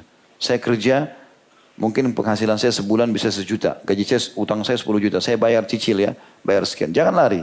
Jangan ditelepon, dimatikan. Ketemu orang lari sembunyi-sembunyi. Akhirnya jatuh di tangga. ya Dan segala macam hal. Ya. Maka ini adalah satu keberanian tersendiri, mengakui kesalahan. Kita kalau salah, saya salah, minta maaf, selesai. Malu Ustaz, awalnya malu, tapi clear, selesai. Daripada kita sembunyikan lalu kemudian nanti ketahuan lagi. Nanti akan lebih parah, lebih sudah akuin sekarang selesai. Ya, lebih baik kita malu di dunia dengan beberapa orang di sekitar kita daripada nanti kita dipermalukan di hari kiamat. Dan ini masuk dalamnya kata para ulama adalah makna taubat dan istighfar dan meminta ampun kepada Allah Subhanahu wa taala. Jadi selain minta kepada makhluk minta maaf kalau salah, juga memohon ampun kepada Allah masuk dalam makna syaja'ah. Dia beranikan jili untuk meminta maaf kepada Allah Subhanahu wa taala. Kemudian yang ketujuh adalah adil dalam kebenaran. Artinya kalau kita jadi hakim atau kita jadi penengah dengan dua orang yang sedang berhadapan punya masalah, kemudian si A punya hubungan kerabat dengan kita dan kita kenal baik atau sahabat dengan si B tidak ada hubungan kerabat, tapi ternyata si A salah. Di sini termasuk syaja'ah kita membela ya si B. Walaupun ini A kita kenal. Tidak ada memandang bulu dalam masalah hukum. Ya, jadi al-adl fil haq.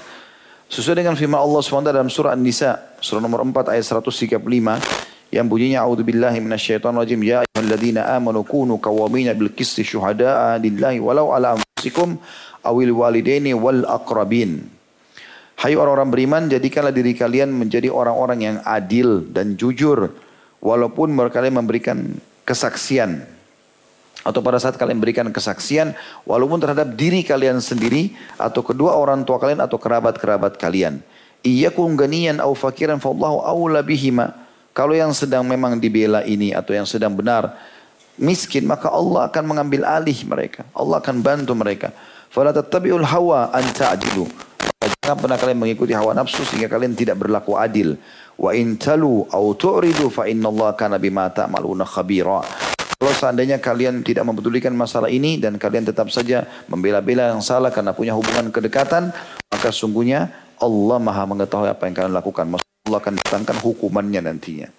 Ini perintah untuk syaja'ah yang ketujuh, adil dalam kebenaran. Gitu kan. Walaupun terhadap diri kita sendiri, kita salah, kita mengatakan kita salah. Orang ini salah, walaupun kita tahu, kita katakan salah. Yang kedelapan, selalu memenuhi janji atau alal wa'ad. Ya, ini juga termasuk syaja'ah sesendiri. Allah subhanahu wa ta'ala menjelaskan di dalam Al-Quran tentunya surah An-Nahl surah nomor 16 ayat 90 sampai 91. 90 sampai 91. Bunyinya a'udzubillahi minasyaitonir rajim. Inna Allah ya'muru bil adli wal ihsani wa ita'i dil qurba wa yanha 'anil fahsya'i wal munkari wal baghi ya'idukum la'allakum tadhakkarun. Itu ayat 90-nya. Ya artinya sungguhnya Allah selalu menyuruh kalian berbuat adil, berbuat baik dan juga menyambung hubungan kekerabatan dan melarang kalian berbuat keji, berbuat mungkar dan juga berbuat ingkar janji. Ya. Itu peringatan dari Allah agar kalian jadikan sebagai pegangan hidup kalian. Wa'ufu bi ahdillahi idza ahadtum. Dan penuhilah janji yang telah kalian gunakan nama Allah kalau kalian telah berjanji. Wala tanqudul aymana ba'da taukidiha. Dan jangan kalian mengkhianati sumpah kalian setelah kalian ucapkan. Wa qad ja'altumullaha alaikum kafila. Sementara kalian telah menjadikan Allah sebagai sponsor kalian ya menggunakan demi Allah begini dan demi Allah begitu innallaha ya'lamu ma taf'alun Allah sangat tahu apa yang kalian lakukan Nabi SAW bersabda dalam hadis yang mulia Janganlah kamu menjadi orang yang ikut-ikutan. Yang berkata, bila orang melakukan kebaikan maka aku pun akan melakukannya. Dan orang yang melakukan keburukan, dan bila orang melakukan keburukan maka aku pun akan melakukan keburukan. Akan tapi katakanlah, uh, khusus buat dirimu sendiri, jika orang melakukan kebaikan maka aku juga akan melakukannya. Dan jika orang melakukan perbuatan buruk maka aku tidak akan melakukannya. Hadis ini riwayat Trimidi. Artinya termasuk keberanian di sini adalah kalau orang tidak ikut-ikutan. Orang ingkar janji kalau kita tidak. Harusnya kita penuhi janji kita. Seperti itulah. Yang kesembilan. Eh, termasuk syajah adalah membenarkan dan meyakini semua yang berurusan sama hal-hal yang gaib. Terutama masalah akhirat. Atau atas-tasdiq wal yakin bil umul akhirah. Ya.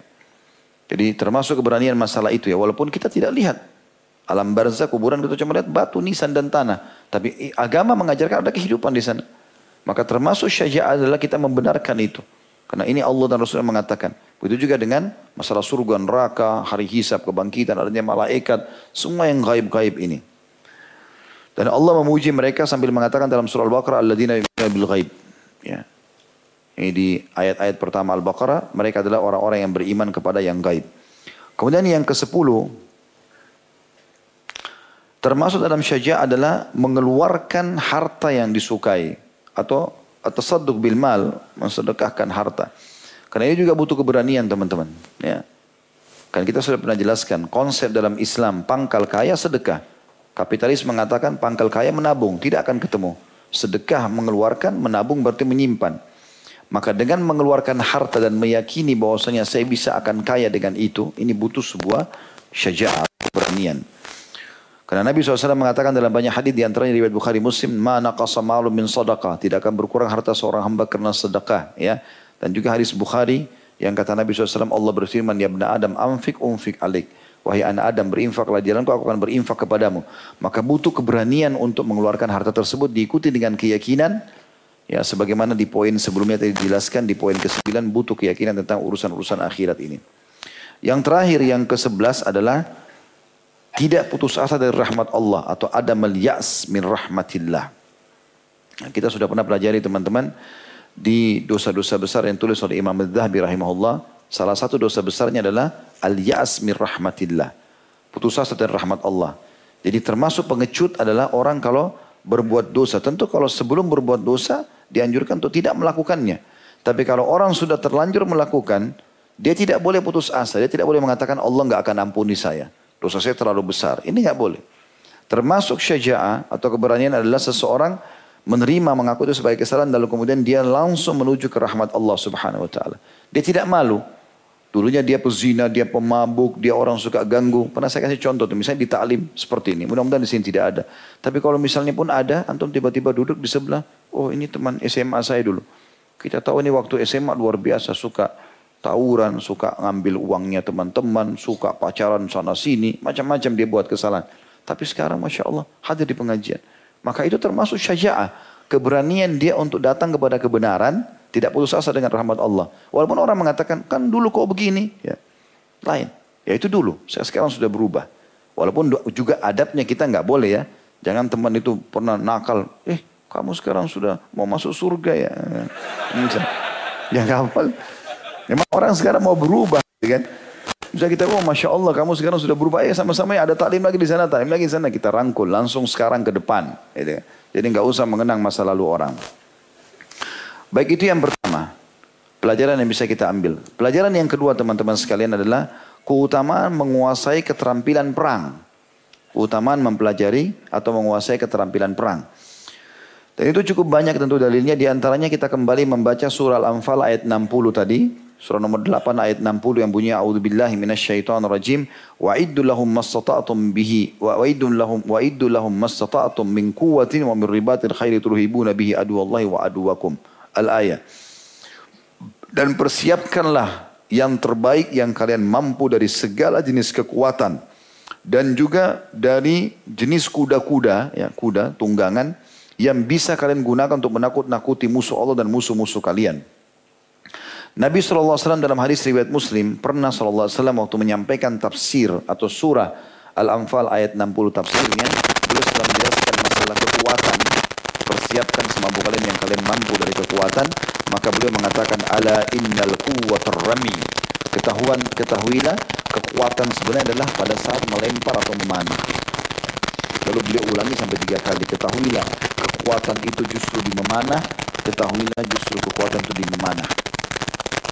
Juga dalam hadis yang sahih disahihkan oleh Syekh Albani dan diriwayatkan oleh Al-Bazzar juga At-Tabarani kata Nabi SAW alaikum birrami fa innahu khairi la'ibikum Ya, kalian harus belajar memanah, melempar tombak, sesuatu yang melempar dengan menggunakan kekuatan. Tapi di sini yang dimaksud adalah memanah dan melempar tombak. Karena itu adalah sebaik-baik permainan kalian. Jadi kalau kalian mau menjadikan sebagai pengisi waktu segala macam, maka lakukanlah itu memanah. Karena itu akan sangat baik manfaatnya. Juga Nabi SAW menyebutkan di dalam hadis yang disahihkan oleh Syekh Al-Albani dalam Sahihul Jami' kata Nabi SAW Allahu fi thalath Bermain-main itu bisa tiga dan tidak termasuk dosa, bahkan bisa pahala. Yang pertama adalah ta'dibu farasik. Engkau melatih kuda perangmu. Jadi engkau latih kudamu, engkau pun berlatih untuk menungganginya, maka itu tidak termasuk sia-sia walaupun 24 jam. Ya, tidak tidur bahkan begadang mengurus kuda perangnya. Yang kedua, ramyuka bikausik. Engkau melempar anak panahmu. Jadi kalau orang melatih mana, walaupun berjam-jam dari pagi sampai malam, gak ada masalah. Tidak dianggap sia-sia. Yang ketiga ini khusus kita sebut untuk yang sudah menikah. Yang belum menikah miskin, kesian. Nah, karena Nabi SAW bilang yang ketiga tidak masuk sia-sia adalah mula abatika ahluk. Engkau bercanda dan bercumbuan dengan istrimu. Ya. Jadi ini termasuk dari salah satu yang tidak sia-sia. Begitulah bujang. Ya. Makanya jangan lama-lama bujang. Hmm. Saksi bahasan kita adalah tadi masalah ya, bagaimana diajarkan oleh Nabi SAW untuk memanah. Ya. Kemudian juga dikatakan oleh Nabi SAW dalam hadis Bukhari, khusus ini strategi perang Nabi kalau lagi terdesak. Apa yang Nabi perintahkan kita? Nabi bilang, Ida aktabukum yakni aktharukum farmuhum wastabqu nablakum. Kalau kalian betul-betul dikepung oleh musuh, terdesak, maka perbanyaklah kalian melempar mereka dengan anak-anak panah kalian. Artinya ini pertahanan yang paling bagus, gitu kan? dengan melemparkan anak panah berarti sangat bagus. Sebagian ulama menyebutkan kenapa panah Nabi SAW banyak sekali sebutkan tentang perintahnya ini. Ternyata panah itu melatih kekuatan otot tangan, konsentrasi. Sedikit saja kita lalai bisa luput panah itu, gitu kan? Saya pernah ikut latihan dengan beberapa ikhwan, memang butuh ketelitian? Dan itu kalau menggunakan eh, apa namanya alat-alat yang lebih berat, ya parinya lebih kencang segala macam untuk lebih jarak lebih jauh itu butuh semua keterampilan khusus dan ini tidak akan pernah ketinggalan terbukti sampai sekarang olahraga dunia pun diangkat memanah itu ya. dan memanah semua orang bisa melakukannya kalau sekarang senjata alhamdulillah memang ada. Sekarang bisa dipakai kan seperti pistol dan yang lainnya. Tapi ini ada saatnya mungkin satu waktu kalau pabrik kalau listrik mati tidak ada listrik lagi tidak bisa produksi peluru ya kalau panah bisa tinggal buat dari batang-batang pohon setiap saat bisa dibuat seperti itu. Kemudian juga Nabi SAW mengingatkan tentang muslimin. Kalau kalian sudah menang pun pergi jihad, perang, menang. Maka kalau kalian sudah aman, sudah tentram, jangan pernah tinggalkan belajar memanah. Begitu sabda Nabi SAW dalam hadis riwayat Muslim. Sayuftahu alaikum ardun wa yakfikumullahu fala ta'jaz ahadukum fala ta'jaz ahadukum ay yalhu bisahmi. Ya. Yang artinya Nanti Allah akan bukakan bagi kalian bumi ini. Umat Islam akan menang. Dan itu terbukti memang. Sampai zaman khilafah Uthmaniyah, terus saja pasukan kudanya muslimin, pemanahnya segala macam ini, terus menyerang wilayah-wilayah non-muslim untuk menundukkan dan masuk Islam gitu kan. Lalu kata Nabi SAW, dan Allah pasti akan buat kalian menang kalau kalian lakukan itu. Maka tetap pada saat kalian sudah menang, janganlah kalian atau jangan seseorang di antara kalian berhenti untuk memainkan panahnya. Hadis ini diriwayatkan oleh Imam Muslim. Kemudian Nabi SAW juga menyebutkan tentang masalah yang lain, masalah memanah ini. Karena kita tadi ambil dari tafsir Al-Anfal ayat 60 tadi. Nabi mengingatkan atau Nabi menitik beratkan mengatakan kekuatan adalah memanah. Makanya kita banyak menyebutkan keutamaan masalah memanah. Hadis yang sahih diriwayatkan oleh An-Nasai dan disahihkan oleh Syekh Al-Bani. Kata Nabi SAW, Man balaga sahmin, man balaga sahmin fi sabilillah fahuwa lahu darajatun fil jannah. Siapa yang melepaskan satu anak panah di jalan Allah, lagi berjihad di jalan Allah, maka satu anak panah mengangkat dia satu derajat di surga. Fabalag balag Umayyah sittata asyara sahman. Maka sahabat yang meriwayatkan ini mengatakan pada hari itu aku telah berhasil melepaskan 16 anak panah yang kena sasaran musuh. Qala Wa sami'tu Rasulullah SAW yakul dan aku mendengarkan Nabi SAW bersabda, "Man rama bisahmin fi sabilillah fahuwa adlu muharrir." Aku telah mendengarkan Nabi SAW mengatakan siapa yang melepaskan satu anak panah, kena atau tidak kena pun itu pahalanya sama dengan bebasin seorang budak. Jadi saking jelasnya agama memerintahkan kita untuk memiliki keterampilan ini. Juga dalam hadis yang lain riwayat Ibnu Majah kata Nabi SAW man ramal adwa bisahmin fabalaga sahmuhul adu asaba au akhta fa'adlu raqabah. Hadis sahih riwayat Ibnu Majah. Kata Nabi SAW siapa yang melempar panahnya ke arah musuh kena musuh itu atau tidak kena musuh dicatatkan baginya satu pahala pembebasan budak. Jadi satu anak panah sama dengan bebasi satu budak pahalanya. Juga dalam hadis yang lain riwayat Al-Baihaqi dengan sanad sahih kata Nabi SAW man rama bisahmin fi sabilillah kana lahu nuran yaumal qiyamah. Barang siapa yang melepaskan satu anak panah di jalan Allah maka itu akan menjadi cahaya penerang baginya pada hari kiamat. Juga dalam hadis yang lain riwayat An-Nasai kata baginda Nabi SAW kullu syai'in laisa fi dzikrullah fahuwa lahwun wa la'ib illa arba'a. Semua yang tidak ada zikrullah maka dianggap sia-sia kecuali empat perkara.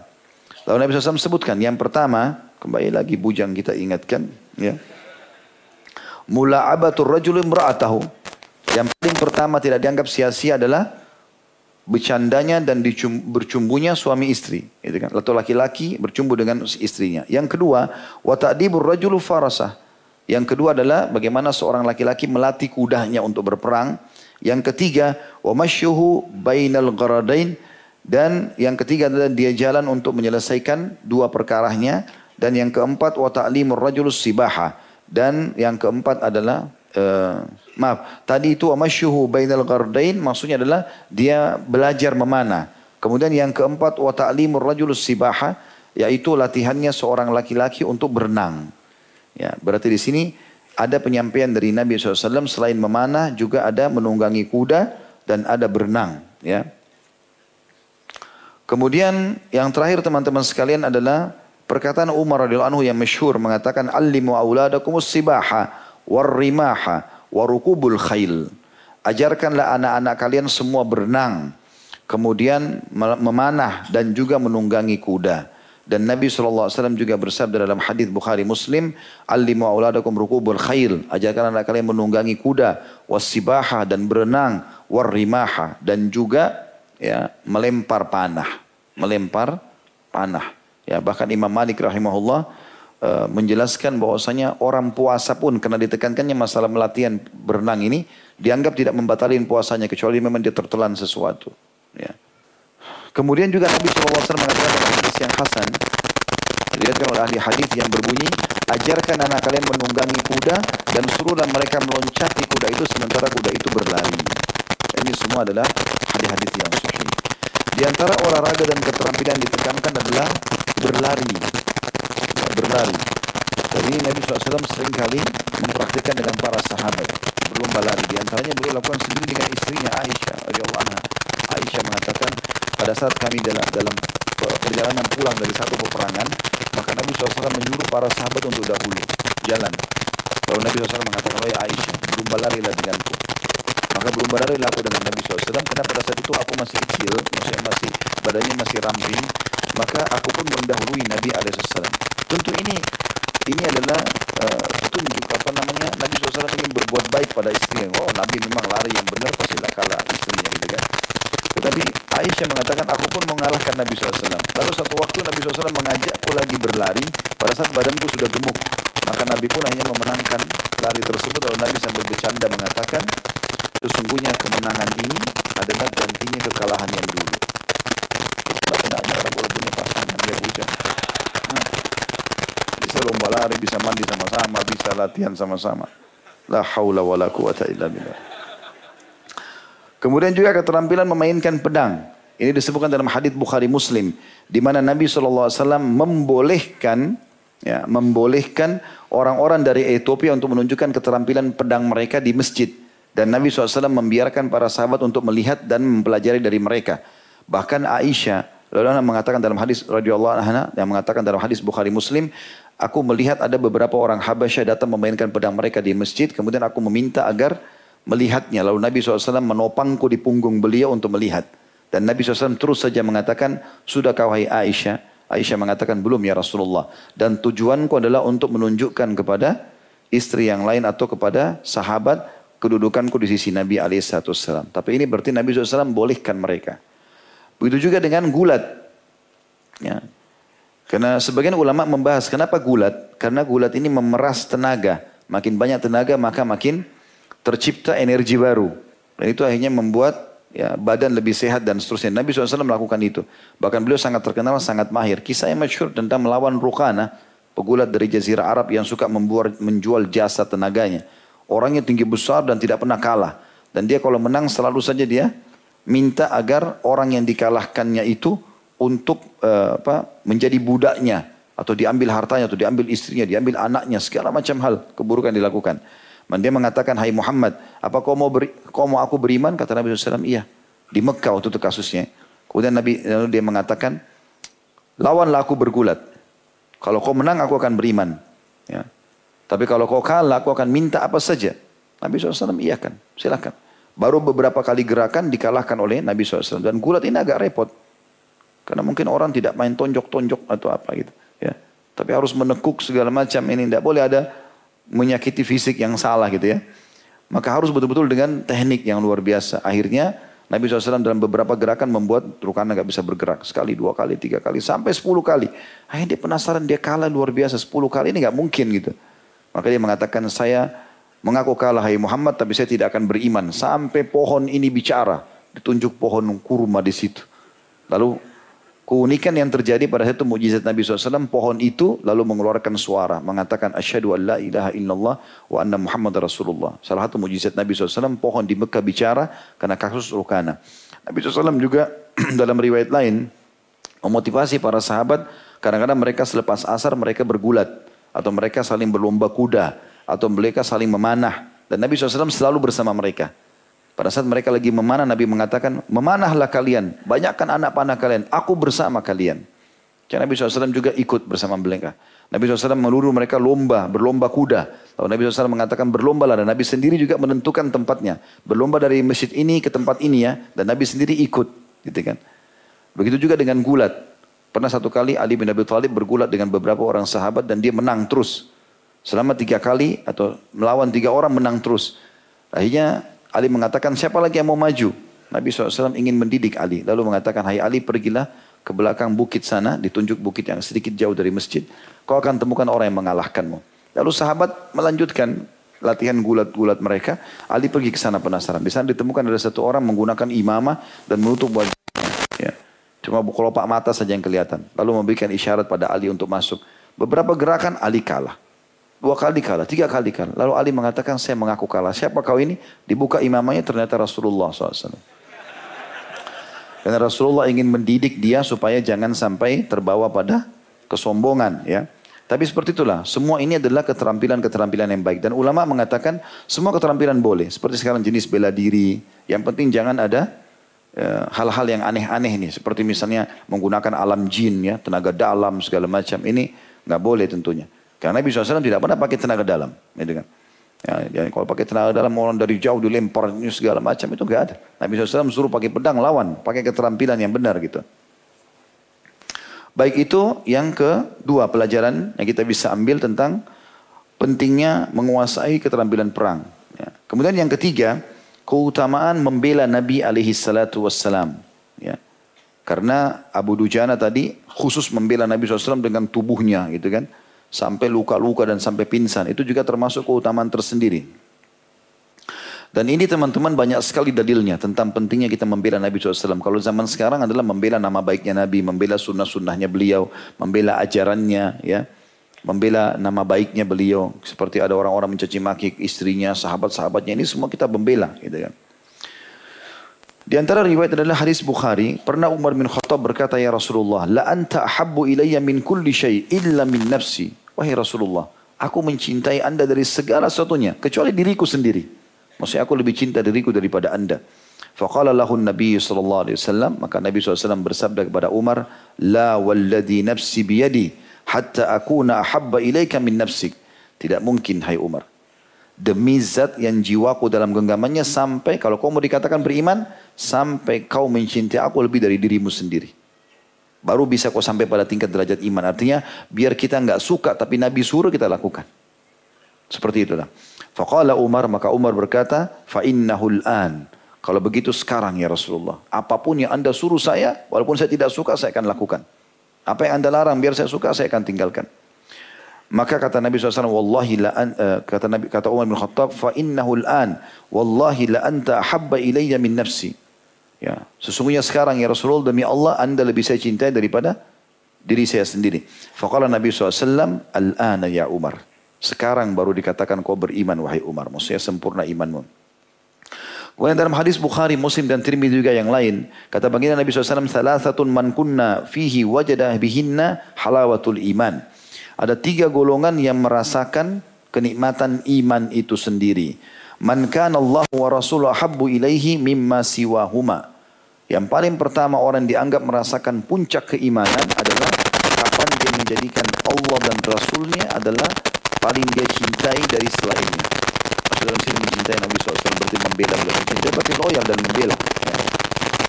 Wa an yuhibbal mar wa an yuhibbal mar mar'a la mar'u la yuhibbu illa billah. Wa yuhibbul mar'a la yuhibbuhu illa billah. Dan seseorang tidak mencintai seseorang lain kecuali karena Allah. Maksudnya antara muslim sama muslim. Ini termasuk orang yang merasakan kesempurnaan iman. Kemudian yang ketiga, wa yakrah an ya'uda fil kufri ba'da an angkadahu Allah minhu kama yakrah an yugdhafa finnar. Yang ketiga orang yang merasakan kenikmatan iman dan kesempurnaan iman adalah seseorang yang telah mendapatkan keislaman, keimanan, lalu dia benci untuk kembali kepada kekufuran. Sebagaimana dia benci untuk dilemparkan dalam api neraka. Juga Allah subhanahu wa ta'ala menyebutkan tentang orang yang membela Nabi SAW ini dan mengikuti ajaran beliau juga membela ya tentu mempelajari sunnahnya lalu membelahnya ya membela agama yang dibawa gitu kan.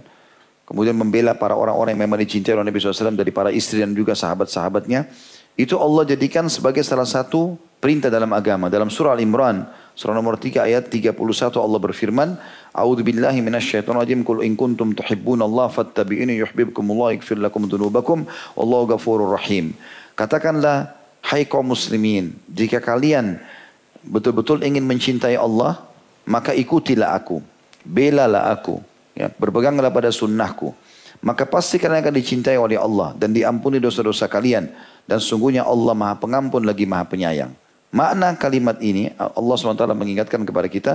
Kalau kalian, kalau kalian membela Rasulullah SAW mencintai maka tentu kalian akan mendapatkan cinta Allah dan juga pengampunan dosa. Juga dalam riwayat lain dikatakan Amr bin As radhiyallahu anhu, sahabat Nabi yang mulia yang pernah dulu membenci Islam dan Nabi SAW beliau mengatakan dalam hadis Bukhari atau riwayat Bukhari, sungguh aku dulu sangat membenci, tidak ada orang aku benci melebihi Muhammad sallallahu alaihi wasallam. Dan setelah aku masuk Islam aku temukan tidak ada orang yang lebih aku cintai daripada dia. Dan perlu kalian tahu karena aku cintanya sama dia dan aku ingin mempertahankan apa pun yang berhubungan dengan beliau sallallahu alaihi wasallam maka aku tidak mampu melihat wajahnya kalau kalian menanyakan bagaimana wajah Nabi, kulit Nabi, rambut Nabi, fisik bagi Nabi maka aku tidak mampu menggambarkan karena aku sangat ya menghormati beliau. Dan ini munculnya rasa kehormatan ini tentunya berarti menandakan akan ada pembelaan dan itu dirincikan dengan perkataan Urwa bin Mas'ud sebelum masuk Islam tentunya radhiyallahu anhu waktu masih dalam keadaan kafir sempat dia diutus oleh orang-orang Quraisy untuk mendatangi Nabi SAW. Ya. Lalu dia kaget melihat Para sahabat berada di sebelah Nabi SAW. Kalau Nabi lagi jalan, mereka naungi dengan pelapa kurma. Tidak ada yang berani melihat Nabi SAW. Tidak ada yang berani mengangkat suara di hadapan Nabi SAW. Semuanya sopan santun depan Nabi. Mereka tahu betul ancaman-ancaman Allah SWT gitu kan. Tidak boleh angkat suara di atas suara Nabi dan seterusnya. Sampai kata orang Mas'ud, wahai Quraisy, ketahuilah, aku pernah datangi Kaisar Romawi, aku pernah datangi Kisra Persia, aku pernah datangi Najasyi di Ethiopia, aku pernah datangi raja-raja dunia. Kalian utus aku menjadi duta. Dan aku belum pernah menemukan ada raja di muka bumi atau pemimpin seperti Muhammad dihormati oleh teman-temannya atau sahabat-sahabatnya. Demi Allah wahai kaumku, kalau Muhammad kalau mereka Muhammad berbicara mereka mendengarkannya. Kalau Muhammad ya sedang uh, atau kalau mereka sedang berbicara dengan Muhammad mereka tidak melihat wajahnya dan ketahuilah kalau Muhammad berwudu lalu Muhammad mengeluarkan riaknya maka mereka berebut mengambilnya.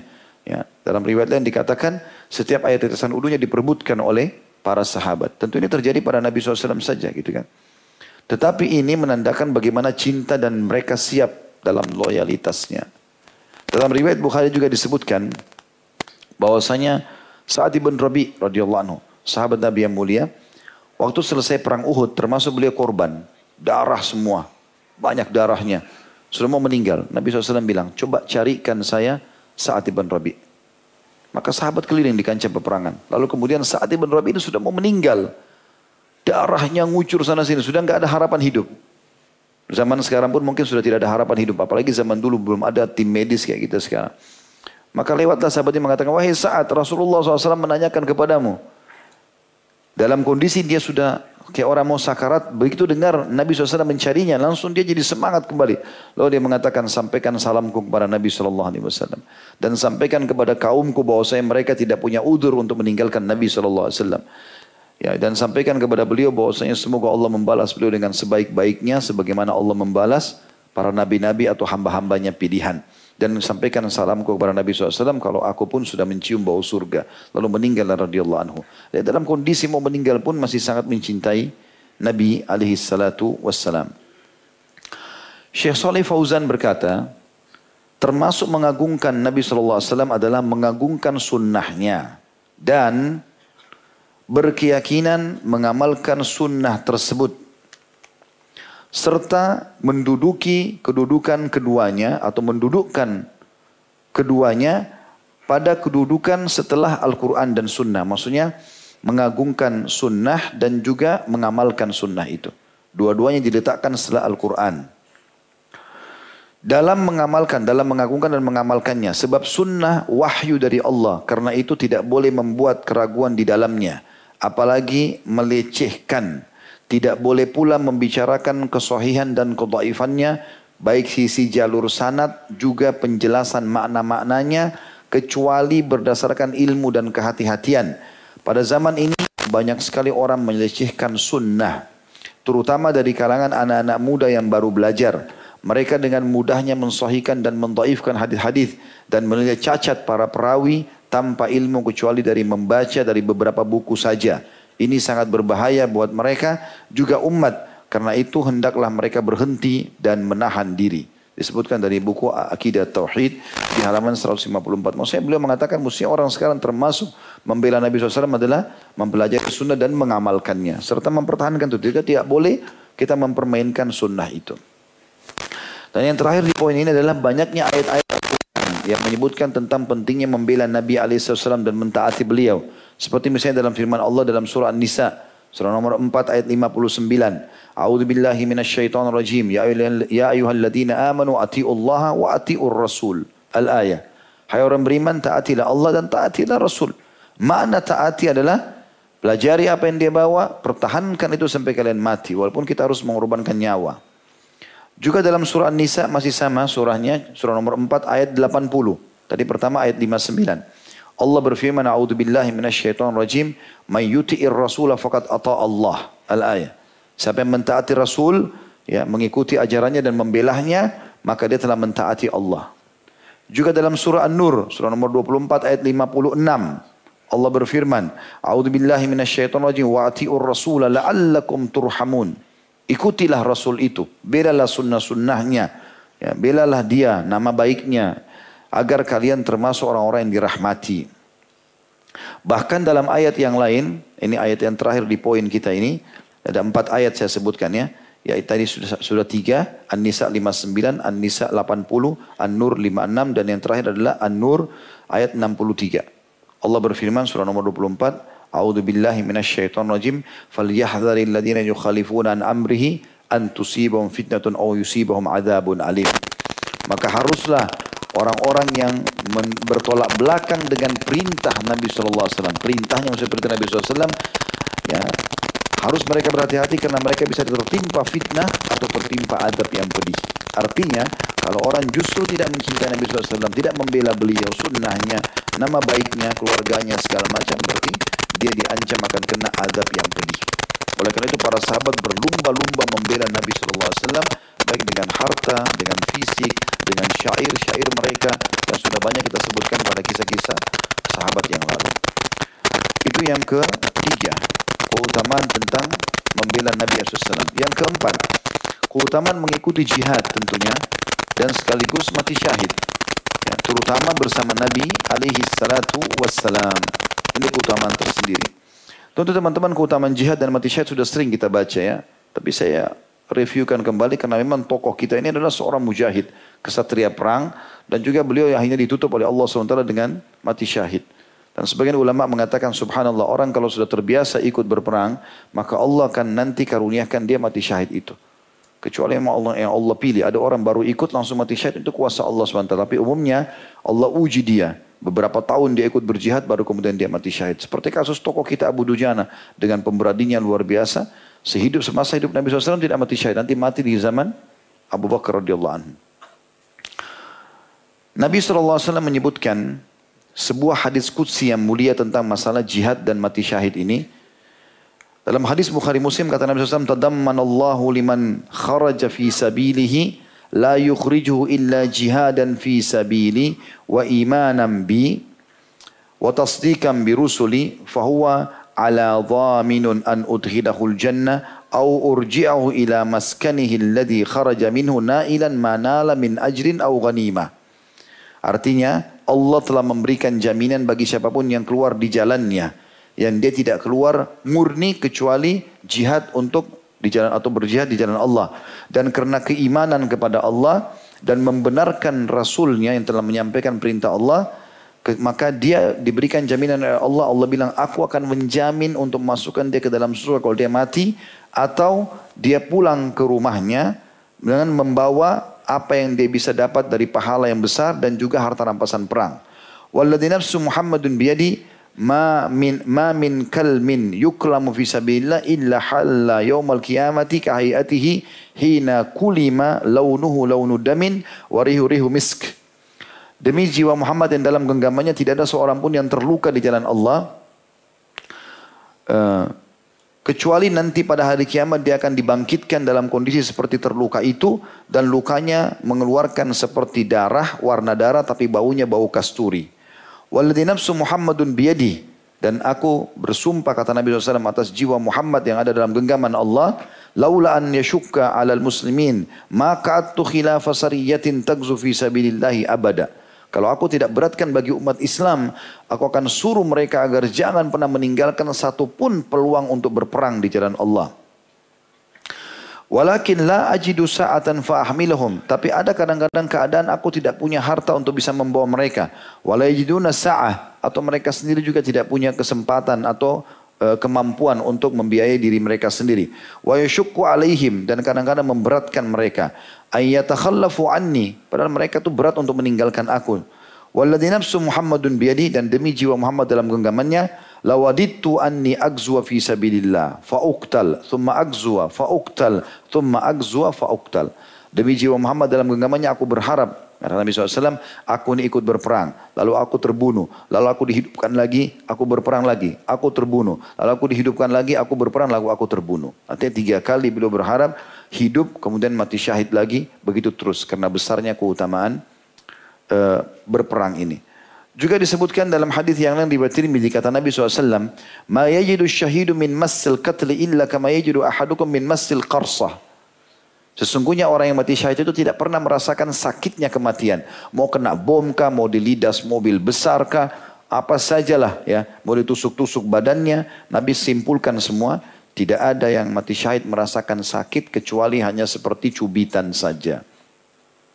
Juga dalam hadis Bukhari Muslim kata Nabi SAW, Ma ahadukum yadkhulul jannata yuhibbu an yarji ila dunya walahu ma fil walahu ma fil ardi min syai'in illa syahid.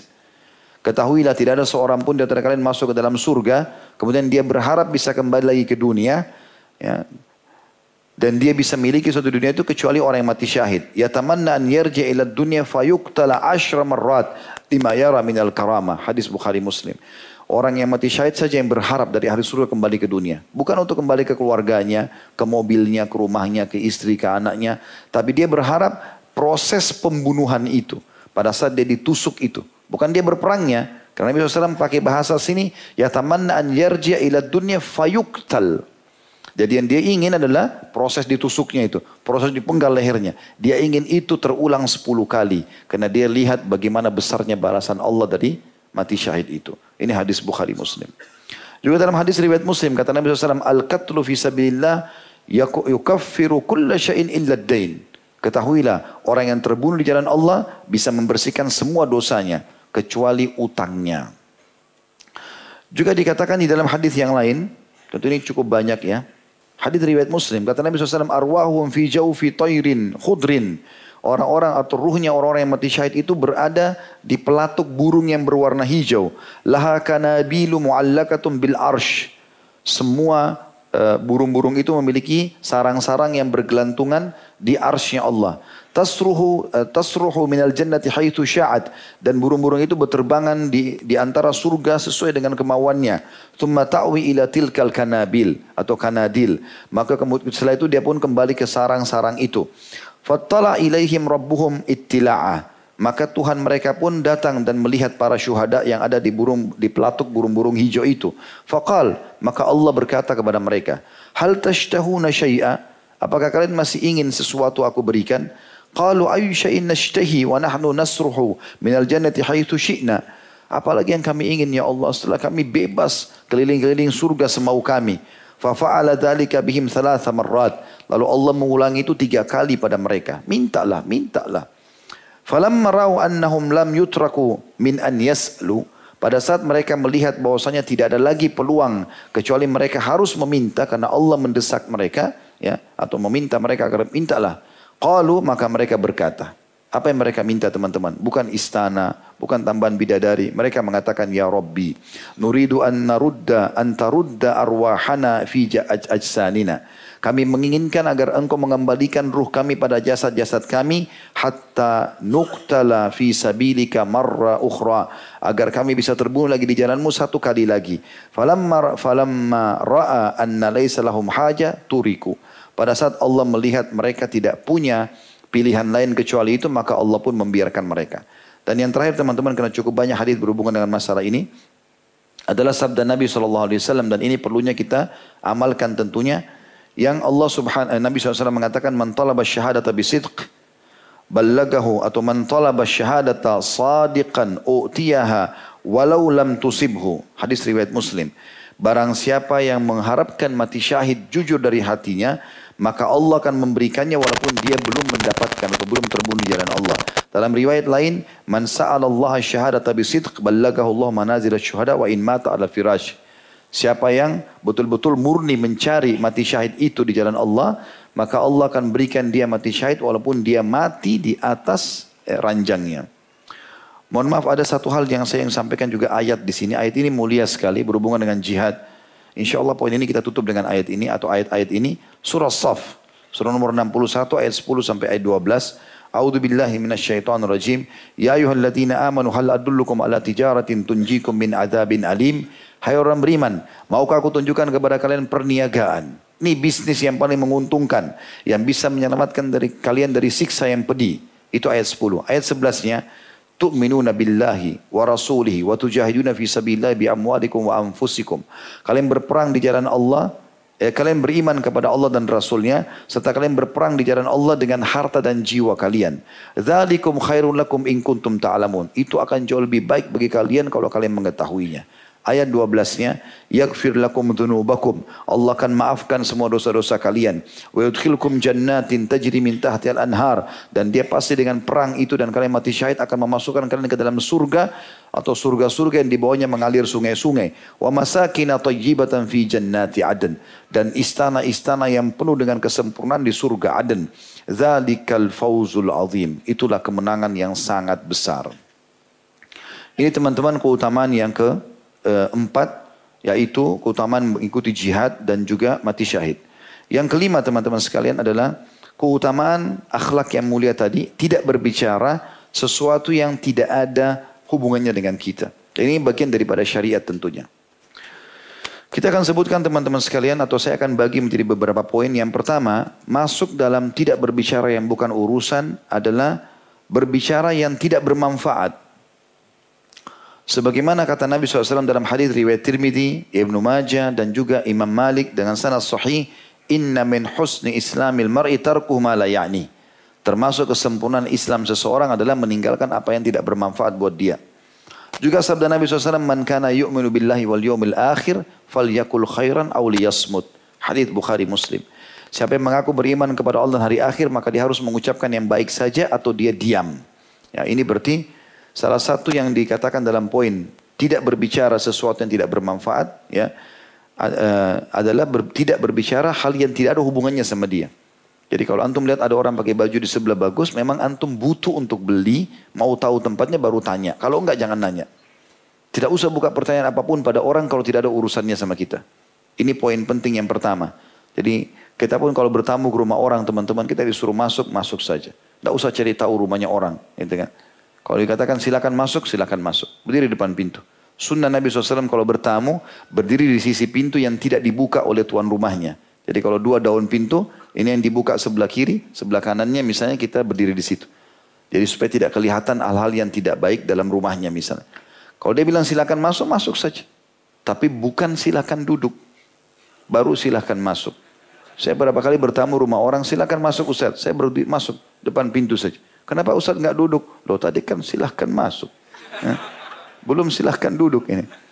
Oh silahkan duduk Ustaz. Baik, saya tanya lagi. Duduk di mana? Jangan sampai kursinya nanti kursi dia. Ya. Maka tunjuk. Selesai itu sudah duduk. Lalu kita ngomong apa yang kita perlu ngomong. Jangan buka-buka toples. Kan. Ya. Belum disuruh, belum segala macam. Ya. Ini tidak ada manfaatnya buat kita semua. Atau ada orang subhanallah tuan rumahnya bilang silakan masuk sebentar saya ada urusannya. Masuk ke dalam kamarnya, keliling-keliling ruang tamu orang, dapur, lihat ini, cari tahu itu. Alasan mau lihat tamannya, gak ada urusan. Jangan masuk-masuk ke zona yang bukan punya kita. Gitu. Itu yang pertama. Yang kedua, termasuk dalam masalah ini adalah berdebat tanpa ilmu. Ya. Kemudian mempertahankan sesuatu yang batil. Gak ada ilmunya dan dia pertahankan yang salah. Makanya Nabi SAW mengatakan dalam hadis Bukhari Muslim ini termasuk berbicara hal yang tidak ada gunanya. Keluarin kata-kata tapi nggak ada manfaat. Berdebat tidak ada ilmu. Dan bukan tujuannya mencari kebenaran. Apalagi mempertahankan yang batil. Kata Nabi SAW, Inna abghadar rijali ilallah al-aladdul khasim. Sesungguhnya orang yang paling Allah benci adalah pendebat pada kebatilan. Aladdul khasim itu suaranya keras, teriak-teriak, baru salah. Gitu kan? Kalau orang betul-betul mencari kebenaran, dia berbicara sesuatu, kalau ada manfaatnya dia lanjutkan, kalau enggak, enggak. Diskusi gitu kan. Dan ini penting. Makanya kata Nabi SAW dalam hadis yang lain, denungi baik-baik hadis riwayat Abu Dawud ini. Kata baginda Nabi SAW, Ana zaimun bibaitin fi rabadil jannah liman tarakal mira'a wa in kana muhiqqa. Sesungguhnya aku akan memimpin istana di surga. Ada satu kem istana. Aku akan ada juga punya istana di situ bersama-sama dengan orang-orang yang meninggalkan perdebatan walaupun dia benar. Jadi kalau kita debat sama orang, Sampaikan ini nggak boleh gini. Dia juga sampaikan argumennya. Selama kita cari kebenaran tidak ada masalah. Tapi ada dalil begini. Kalau kita lihat orang yang ngotot ya sudah tinggalkan saja. Walaupun kita tahu diri kita benar. Jadi nggak ada waktu untuk berdebat.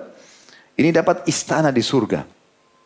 Yang kedua, wabi baitin fi wasatil jannah liman tarakal kadiba wa inkana mazihan. Dan aku akan punya pemimpin di tengah-tengah istana surga bagi dan aku bersama sama orang-orang ini bagi orang yang meninggalkan dusta walaupun bercanda. Ya, bercanda pun tidak boleh. Dan yang ketiga, wabi baitin fi adal jannah liman hasuna khuluka. Dan aku akan menjadi pemimpin di tempat tertinggi surga bagi orang yang meninggal atau memiliki akhlak yang mulia. Yang ketiga teman-teman di poin ini ya adalah kathirul kalam atau banyak berbicara. Kalau banyak bicara bukan hal yang bermanfaat ini juga bisa jadi salah. Makanya teman-teman kalau ditanya orang jawab sesuai pertanyaan saja. Mau ke mana akhi? mau ke masjid. Selesai. Kalau dia tanya lagi, masjid mana? Baru kita jawab. Jadi nggak usah orang tanya satu, jawaban kita sepuluh. Hah? Mau ke mana? Masjid ini, alamatnya di sini, begini, bukaitan ini. Orang nggak tanya semua itu. Kan? Apa saja yang ditanya, jawab sesuai dengan pertanyaan. Nabi SAW mau perang, mau serang Mekah. Ditanya oleh Abu Bakar, Ya Rasulullah, apakah anda akan menyerang Romawi? Bukan. Nabi nggak langsung jawab, kami akan serang Quraisy. Abu Bakar tanya lagi, apakah anda akan serang ya uh, Persia? Bukan. Apakah anda akan serang Hawazim? Tidak. Semua tidak. Begitu Abu Bakar mengatakan, apakah anda akan serang Quraisy? Nabi mengatakan, iya. Jawabannya sederhana. Sesuai dengan itu saja. Jadi nggak usah terlalu banyak bertanya, jangan juga terlalu banyak jawaban. Karena kadang-kadang orang salah. ya. Dikatakan oleh Nabi SAW tentang keutamaan ini, di dalam hadis yang sahih, Inna min ahabbikum ilayya wa akrabikum minni majlisan yawmal qiyamah ahasinukum akhlaqa. Ketahuilah orang yang paling aku cintai di antara kalian. Nabi cinta kepada kita walaupun kita tidak ketemu dengan Nabi. Dan orang yang paling dekat nanti kedudukannya dengan aku di hari kiamat adalah orang yang paling baik akhlaknya di antara kalian. Ini insya Allah kita kejar jadi target. Tapi ingat peringatan Nabi setelahnya. Wa inna abgadukum ilayya wa ab'adukum minni majlisan yawmal qiyamah. Tapi sebaliknya orang yang paling aku benci di antara kalian. Dan orang yang paling jauh kedudukannya dengan aku pada hari kiamat adalah as-sarsarun wal mutasyaddiqun wal mutafayhikun. Nanti kita jelaskan tiga poin ini ya. Qalu ya Rasulullah. Nabi mengatakan ada tiga orang yang paling aku benci. Sarsarun, mutasyaddiqun dan mutafayhikun. Lalu para sahabat mengatakan ya Rasulullah. Qad alimna sarsarun. Kami sudah tahu apa maknanya sarsarun. Nanti saya jelaskan maknanya sebentar. Wal mutasyaddiqun. Kami sudah tahu dua-dua itu. Famal mutafaihikun, apa mutafaikih, mutafaihikin? Maka kata Nabi SAW, al-mutakabbirun, orang yang sombong. Riwayat Tirmidzi dan Imam Ahmad. Kita dengarkan bagaimana ulama menjelaskan tiga makna ini. Tirmidzi berkata rahimahullah, al-tharsarun, orang yang paling pertama Nabi benci, tharsar. Yaitu orang yang banyak bicara yang tidak bermanfaat. Omong kosong. Jadi nggak ada maknanya. Kita kalau duduk dengar, apa ini orang cerita apa? Awal sama akhir nggak nyambung, nggak jelas ilmunya nggak ada sesuatu yang bermanfaat. Kemudian al-mutasyaddiqun adalah orang yang berbicara dengan cara mengganggu orang lain atau orang yang suka mengganggu orang lain. Ini orang kedua yang Nabi benci. Pertama orang banyak bicara salah, yang kedua adalah orang yang suka mengganggu orang lain. Sementara yang ketiga tentunya tadi al-mutafaihikun adalah orang yang sombong. Ibnu Athir berkata rahimahullah dalam kitab An-Nihaya beliau, as-sarsarun adalah orang yang banyak berbicara dengan memaksakan diri dan keluar dari kebenaran. Menceritakan sesuatu yang dia tidak miliki. Jadi seperti dirinya orang besar padahal sebenarnya tidak. Kentong kosong itu. Ya, jadi seperti itu. Ini namanya sarsar. Ini orang paling benci, Nabi paling benci. Yang kedua, al-mutasyaddiqun kata Ibnu Athir dalam uh, makna beliau, orang-orang yang berbicara panjang lebar tanpa berhati-hati. Ada juga yang berkata orang yang mengolok-olok orang lain dengan mencibirkan bibir ke arah mereka. Ini orang yang paling benci, Nabi benci. Sementara Al-Mundri berkata, Athar-Tharun adalah penjelasannya sama dengan Ibnu Athir. Orang yang banyak bicara dengan memaksakan diri dan keluar dari kebenaran. Tapi Al-Mutasyaddiqun yang kedua adalah orang yang berbicara dengan seluruh bibirnya untuk menunjukkan pada kefasihan dan keagungan perkataannya. Padahal sebenarnya tidak. Gitu kan. Hanya sekedar untuk tunjukkan orang kalau dia hebat bicara. Padahal dia tidak tahu apa yang sedang dia bicarakan. Yang ketiga al-mutafaihikun adalah semakna dengan mutasyaddiqun. Hanya ditambah merasa lebih tinggi dari orang lain. Semua ini dibenci oleh Nabi alaihi salatu wassalam. Kemudian masuk dalam masalah ini teman-teman sekalian. Yang keempat, ini di poin empat ya. Tidak boleh berbicara yang tidak ada urusan sama kita. Yang pertama berbicara yang tidak ada manfaatnya. Yang kedua berdebat tanpa ilmu. Yang ketiga banyak berbicara ya. Tentu di sini banyak berbicara dan mereka kata omongannya terlalu banyak. Tadi menjawab terlalu banyak pertanyaan, pertanyaan cuma satu dijawab banyak. Atau dia banyak bertanya sementara orang tidak suka untuk ditanya. Seperti itulah. Kemudian yang keempat adalah sering mengucapkan kalimat buruk dan kalimat-kalimat yang membawa kepada kemaksiatan. Makanya dikatakan seperti melaknat, menghina, mencaci itu semua masuk dalam masalah ini. Ini termasuk dia dalam rincian tadi sifat Abu Dujana tidak berbicara yang tidak urusan dia. Karena kata, Nabi SAW dalam hadis sahih riwayat Trimidi dan Imam Ahmad, "Laisal mu'minu bitla'ani walal la'ani walal fahish walal badhi." Bukanlah orang mukmin itu adalah orang yang suka menyerang ya, menyerang orang lain. La'an melaknat, mengutuk orang. Juga fahish, yaitu yang suka berbuat buruk dan badhi jorok omongannya. Ini tempat ini jauh dari sifat orang beriman. Kemudian yang kelima teman-teman sekalian adalah banyaknya bercanda. Jadi bukan pada tempatnya orang bercanda sesekali oke, okay, tapi selalu setiap dulu sampai dia bercanda terus ini keliru juga. Orang tidak tahu kapan dia serius. Ya, ada pernah orang begitu, dia suka bercanda sama temannya, akhirnya temannya tidak tahu kapan dia serius. Kalau salah kejadian di Saudi waktu itu kejadian nyata. Begitu dia pergi berenang sama teman-temannya di laut, Kemudian dia tenggelam rupanya, kakinya keram, tenggelam. Lalu dia minta tolong sama temannya, temannya semua kira dia bercanda. Dibiarin sampai tenggelam, mati. Ya. Karena orang tidak tahu, orang pikir dia bercandain. Apalagi kadang-kadang bercandanya berlebihan. Gitu kan. Nah ini dikatakan oleh Nabi SAW dalam hadis yang sahih disahihkan oleh Albani uh, riwayat Trimidi, kata Nabi, maaf diriwayatkan Ibnu Majah. Kata Nabi SAW, La tukhirud dahik, fa inna kathratad dahik tumitul kalb. Jangan kalian terlalu banyak tertawa, terbahak-bahak luar biasa. Setiap waktunya inginnya cari yang ketawa aja terus. Maka ini berbahaya, karena banyak tertawa akan mematikan hati seseorang. Sesekali iya, dua kali iya, tapi orang sama dari pagi bangun tidur sampai tidur lagi ketawa terus. Gitu. Nah, ini aneh. Ya. Kemudian selanjutnya adalah hadis Nabi SAW Riwayat Tirmidzi dan Abu Daud dan disohikan oleh Albani. Kata Nabi SAW, Wailun lilladhi yuhaddithu bil hadithi liyudhika bihil kaum fayakziba wailun lahu wailun lahu. Ini peringatan bagi uh, para pelawak ini. Hati-hati sekali. Karena kata Nabi SAW, kecelakaan bagi orang yang mengucapkan perkataan untuk membuat orang lain tertawa. Padahal dia bohong. Maka itu kecelakaan buat dia, kecelakaan buat dia. Begitu perkataan Nabi alaihi salatu wassalam. Itu tentu teman-teman yang kelima. Banyaknya bercanda dan bukan pada tempatnya tentunya nih atau tertawa. Ya. Kemudian yang keenam di poin ini. Tafdih aib nafsihi atau membuka aibnya sendiri. Ya, ini juga termasuk hal yang tidak ada manfaat. Tidak boleh sama sekali kita membuka aib kita sendiri. Sebagaimana sabda Nabi SAW, kullu ummati mu'afan illa al-mujahirin.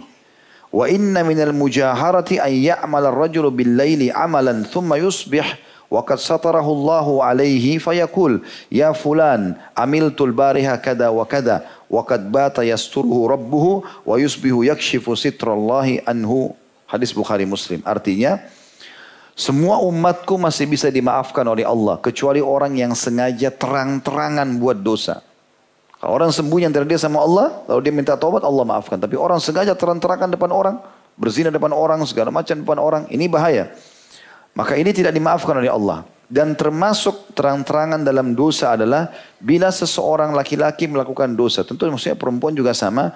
Bila seseorang melakukan dosa di malam hari, Kemudian dia tiba sampai pagi hari sementara Tuhannya menutupi kesalahannya itu.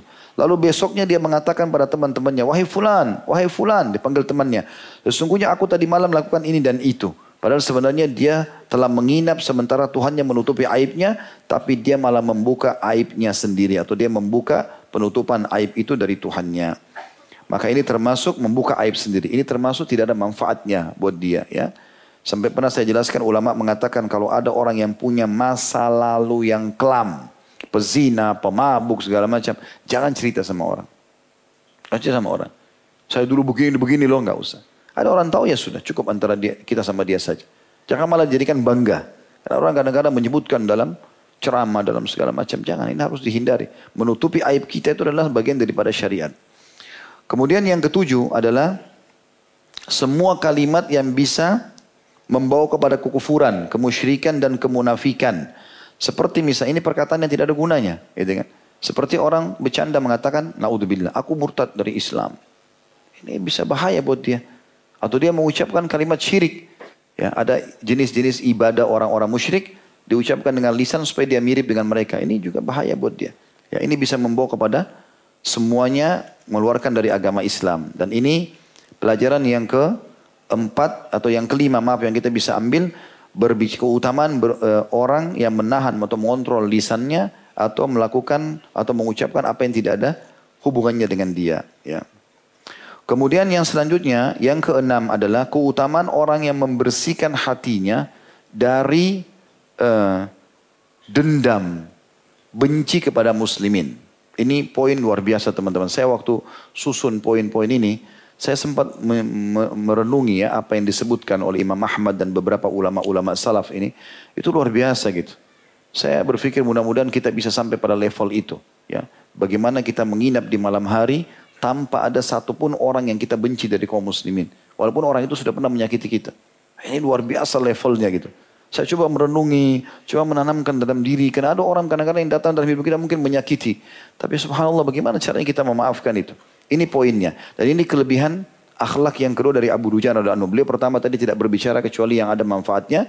Yang kedua adalah beliau tidak pernah menanamkan dalam hatinya rasa benci dan dendam kepada muslimin. Kita dengarkan bagaimana dalil-dalilnya. Yang pertama hadis Bukhari, Aisyah berkata, lalu anha bahwasanya Rasulullah SAW bertanya kepada Zainab mengenai aku. Ya, jadi rupanya Zainab ini istri Nabi yang yang tanda kutip yang dianggap saingan oleh Aisyah. Ya, maaf yang bujang ini level poligami ya. Orang sudah nikah aja belum boleh ngomong ke situ tapi ya kita sampaikan.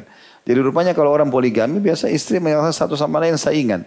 Kata Aisyah anha, aku pernah melihat Zainab sebagai sainganku. Karena sama-sama dari Quraisy, sama-sama cantik segala macam.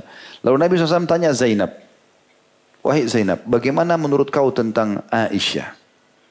Ya, maka Zainab mengatakan, Wahai Rasulullah radhiyallahu anha, atau radhiyallahu anhun najmain, aku menjaga pendengaranku dan penglihatanku yang aku tahu ia adalah wanita yang baik. Padahal Aisyah mengatakan, dia sebenarnya adalah sainganku seakan-akan memang kita ini bersaing untuk menyebut hati Nabi SAW. Tapi subhanallah, Zainab menjaga lisan dan penglihatannya. Dan dia mengatakan, aku tidak tahu Aisyah kecuali kebaikan. Jadi dia sebutkan itu, supaya tidak ada rasa benci dalam hati. Imam Ahmad disebutkan dalam buku beliau kisahnya dalam manatik manatik manakib Imam Ahmad atau keutamaan beliau ya.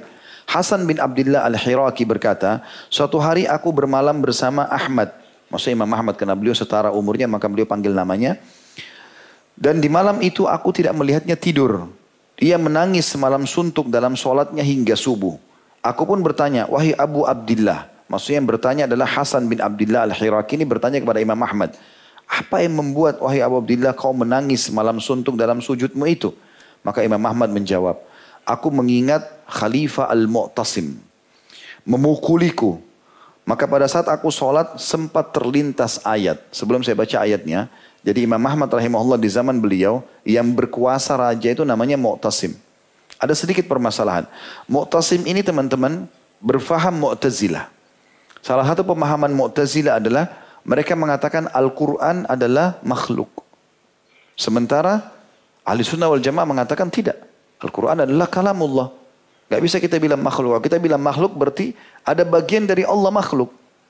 Karena itu perkataan Allah subhanahu wa ta'ala. Imam Muhammad pertahankan itu. Sampai beliau dicambuk-cambukin berdarah-darah. Di penjara, disiksa luar biasa. Dan akhirnya Allah SWT selamatkan Imam Muhammad.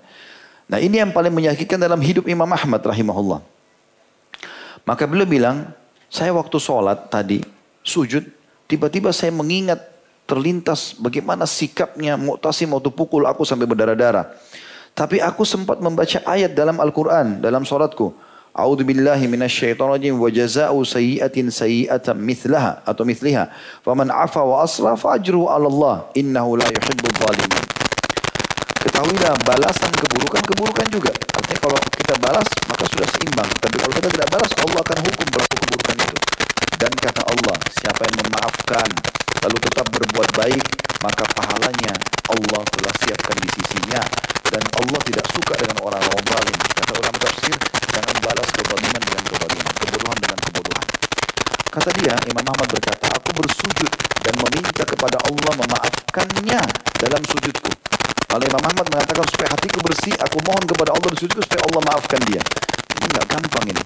Orang sudah menyakiti, kemudian kita malah meminta agar Allah maafkan dia. Lalu beliau mengatakan nasihatnya, memaafkan lebih utama, ya, atau lebih besar pahala sisi Allah. Apa manfaatnya untukmu kata Imam Ahmad ketika saudara muslim diazab lantaran kesalahannya padamu maafkanlah dan berlapang dadalah semoga Allah memaafkanmu sebagaimana yang telah ia janjikan ada sebuah ayat mulia teman-teman sekalian. Atau beberapa ayat dalam Al-Quran. Subhanallah saya lupa, saya tidak tulis surahnya apa. Tapi ini diambil, saya ambil dari ayat 41 sampai ayat 43. Ya.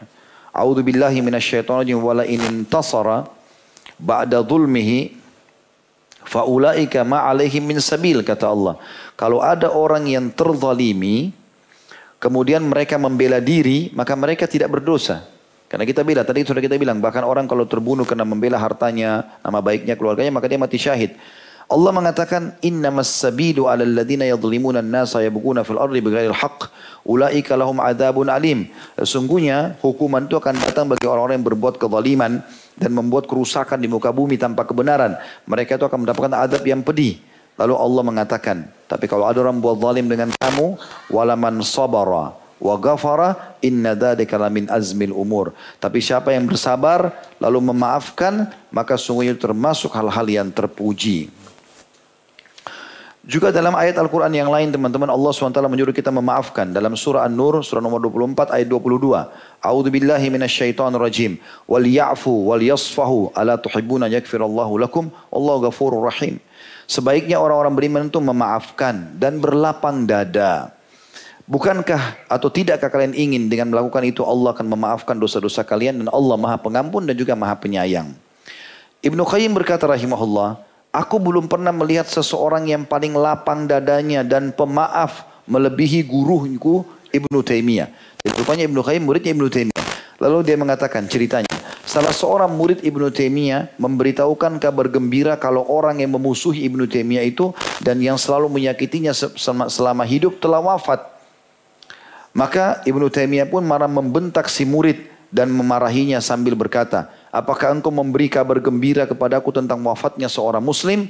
Lalu beliau pun Ibnu Taimiyah mengucapkan istirja, inna lillahi wa inna rajiun. Kemudian segera beranjak dari tempatnya menuju ke rumah orang yang memusuhinya tadi. Untuk menemui istri sama anaknya. Lalu dia berkata kepada anak-anak si mayit, sungguh aku akan menggantikan peran ayah kalian. Padahal ayahnya mereka ini adalah musuh besarnya Ibnu Taimiyah. Tiap sepanjang hidup selalu benci dan menyebutkan keburukan Ibnu Taimiyah.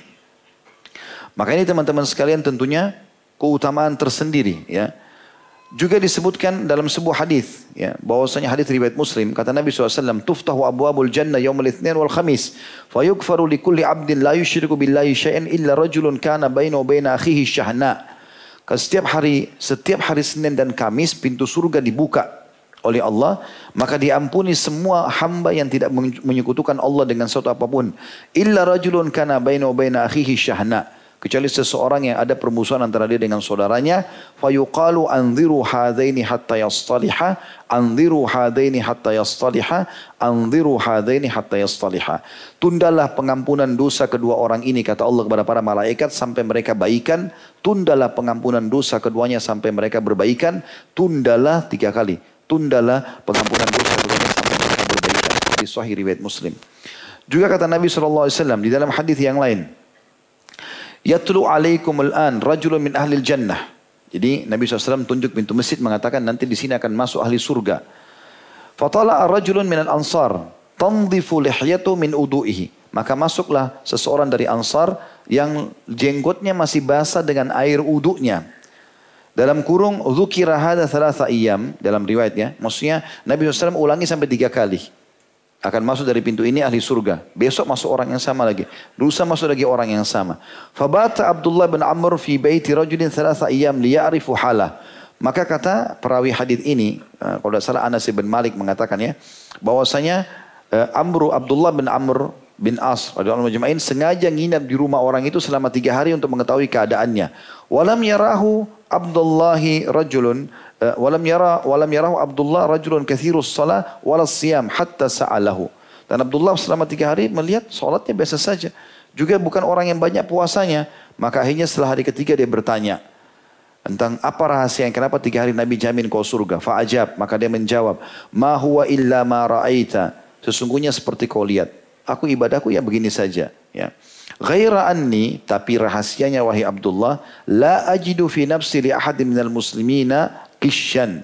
Maka kau tahu yang aku selalu lakukan sebelum tidur malam hari, aku tidak pernah, aku tidak, aku bukan tidur ya, aku tidak pernah dendam dengan siapa pun dari muslimin. Wala ahsudu ahadan ala ala ala khairin atahu Allahu iya. Dan aku tidak pernah iri dengan orang yang Allah berikan kebaikan padanya. Faqala Abdullah, hadha alladhi balagat bika wa nahnu la nutiq. Hadis sahih riwayat Ahmad. Inilah perbuatan yang kau telah sampai padanya yang kami tidak mampu untuk melakukan itu. Tentu teman-teman kita tutup dengan uh, poin ini sama ada poin satu saja. Insya Allah sekitar dua menit lagi. Yunus As-Sadafi pernah berkata, aku belum pernah melihat orang secerdas Syafi'i. Jadi Yunus ini rupanya seorang juga ahli ilm yang sesama dengan Imam Syafi'i. Pernah berdebat dengan Imam Syafi'i. Dia mengatakan, suatu hari aku mendebatnya dalam satu permasalahan, lalu hubungan kami pun menjadi renggang. Kemudian ia, Imam Syafi'i menemuiku dan menggapai tanganku seraya berkata, Wahai Abu Musa, bukankah kita bersaudara walaupun kita tidak sepakat dalam satu masalah? Ini luar biasa pesan ini teman-teman. Sekarang di zaman ini luar biasa. Kadang-kadang melihat muslim, karena mungkin ada kesalahannya maka dibenci. Tidak akan salam, tidak akan lihat, tidak akan tidak boleh salaman, tidak boleh segala macam. Mungkin dia belum faham, kan bisa didakwahi gitu kan. Tapi semua banyak orang begitu, tidak faham masalah ini. Semua orang harus sudah, orang ini salah berarti sudah sesat. Mungkin belum sampai padanya argumentasi. Jadi luar biasa. Uthman bin Zaid juga berkata, aku berkata kepada Imam Ahmad, memaafkan itu sepuluh bagian, sembilan di antaranya adalah pura-pura tidak tahu.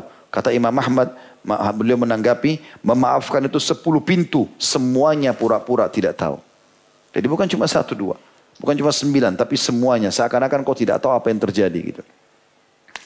Maka ini juga termasuk keutamaan. Lalu kata Nabi SAW dalam hadis riwayat Imam Ahmad, ini juga berhubungan dengan puasa Ramadan, dalil yang baik, saumu syahrus sabr, berpuasa pada bulan yang sabar, maksudnya Ramadan. Karena kita sabar, sebulan penuh puasa, sholat tarawih dan seterusnya. Wa satu ayam min kulli syahr, dan puasa tiga hari setiap bulan ayamul bid, somad dahar. Nilainya pahala seperti puasa setahun. Wa yudhibu ma'al atau maghallat sadr. Dan dia akan menghilangkan ke apa ke kesempitan dada.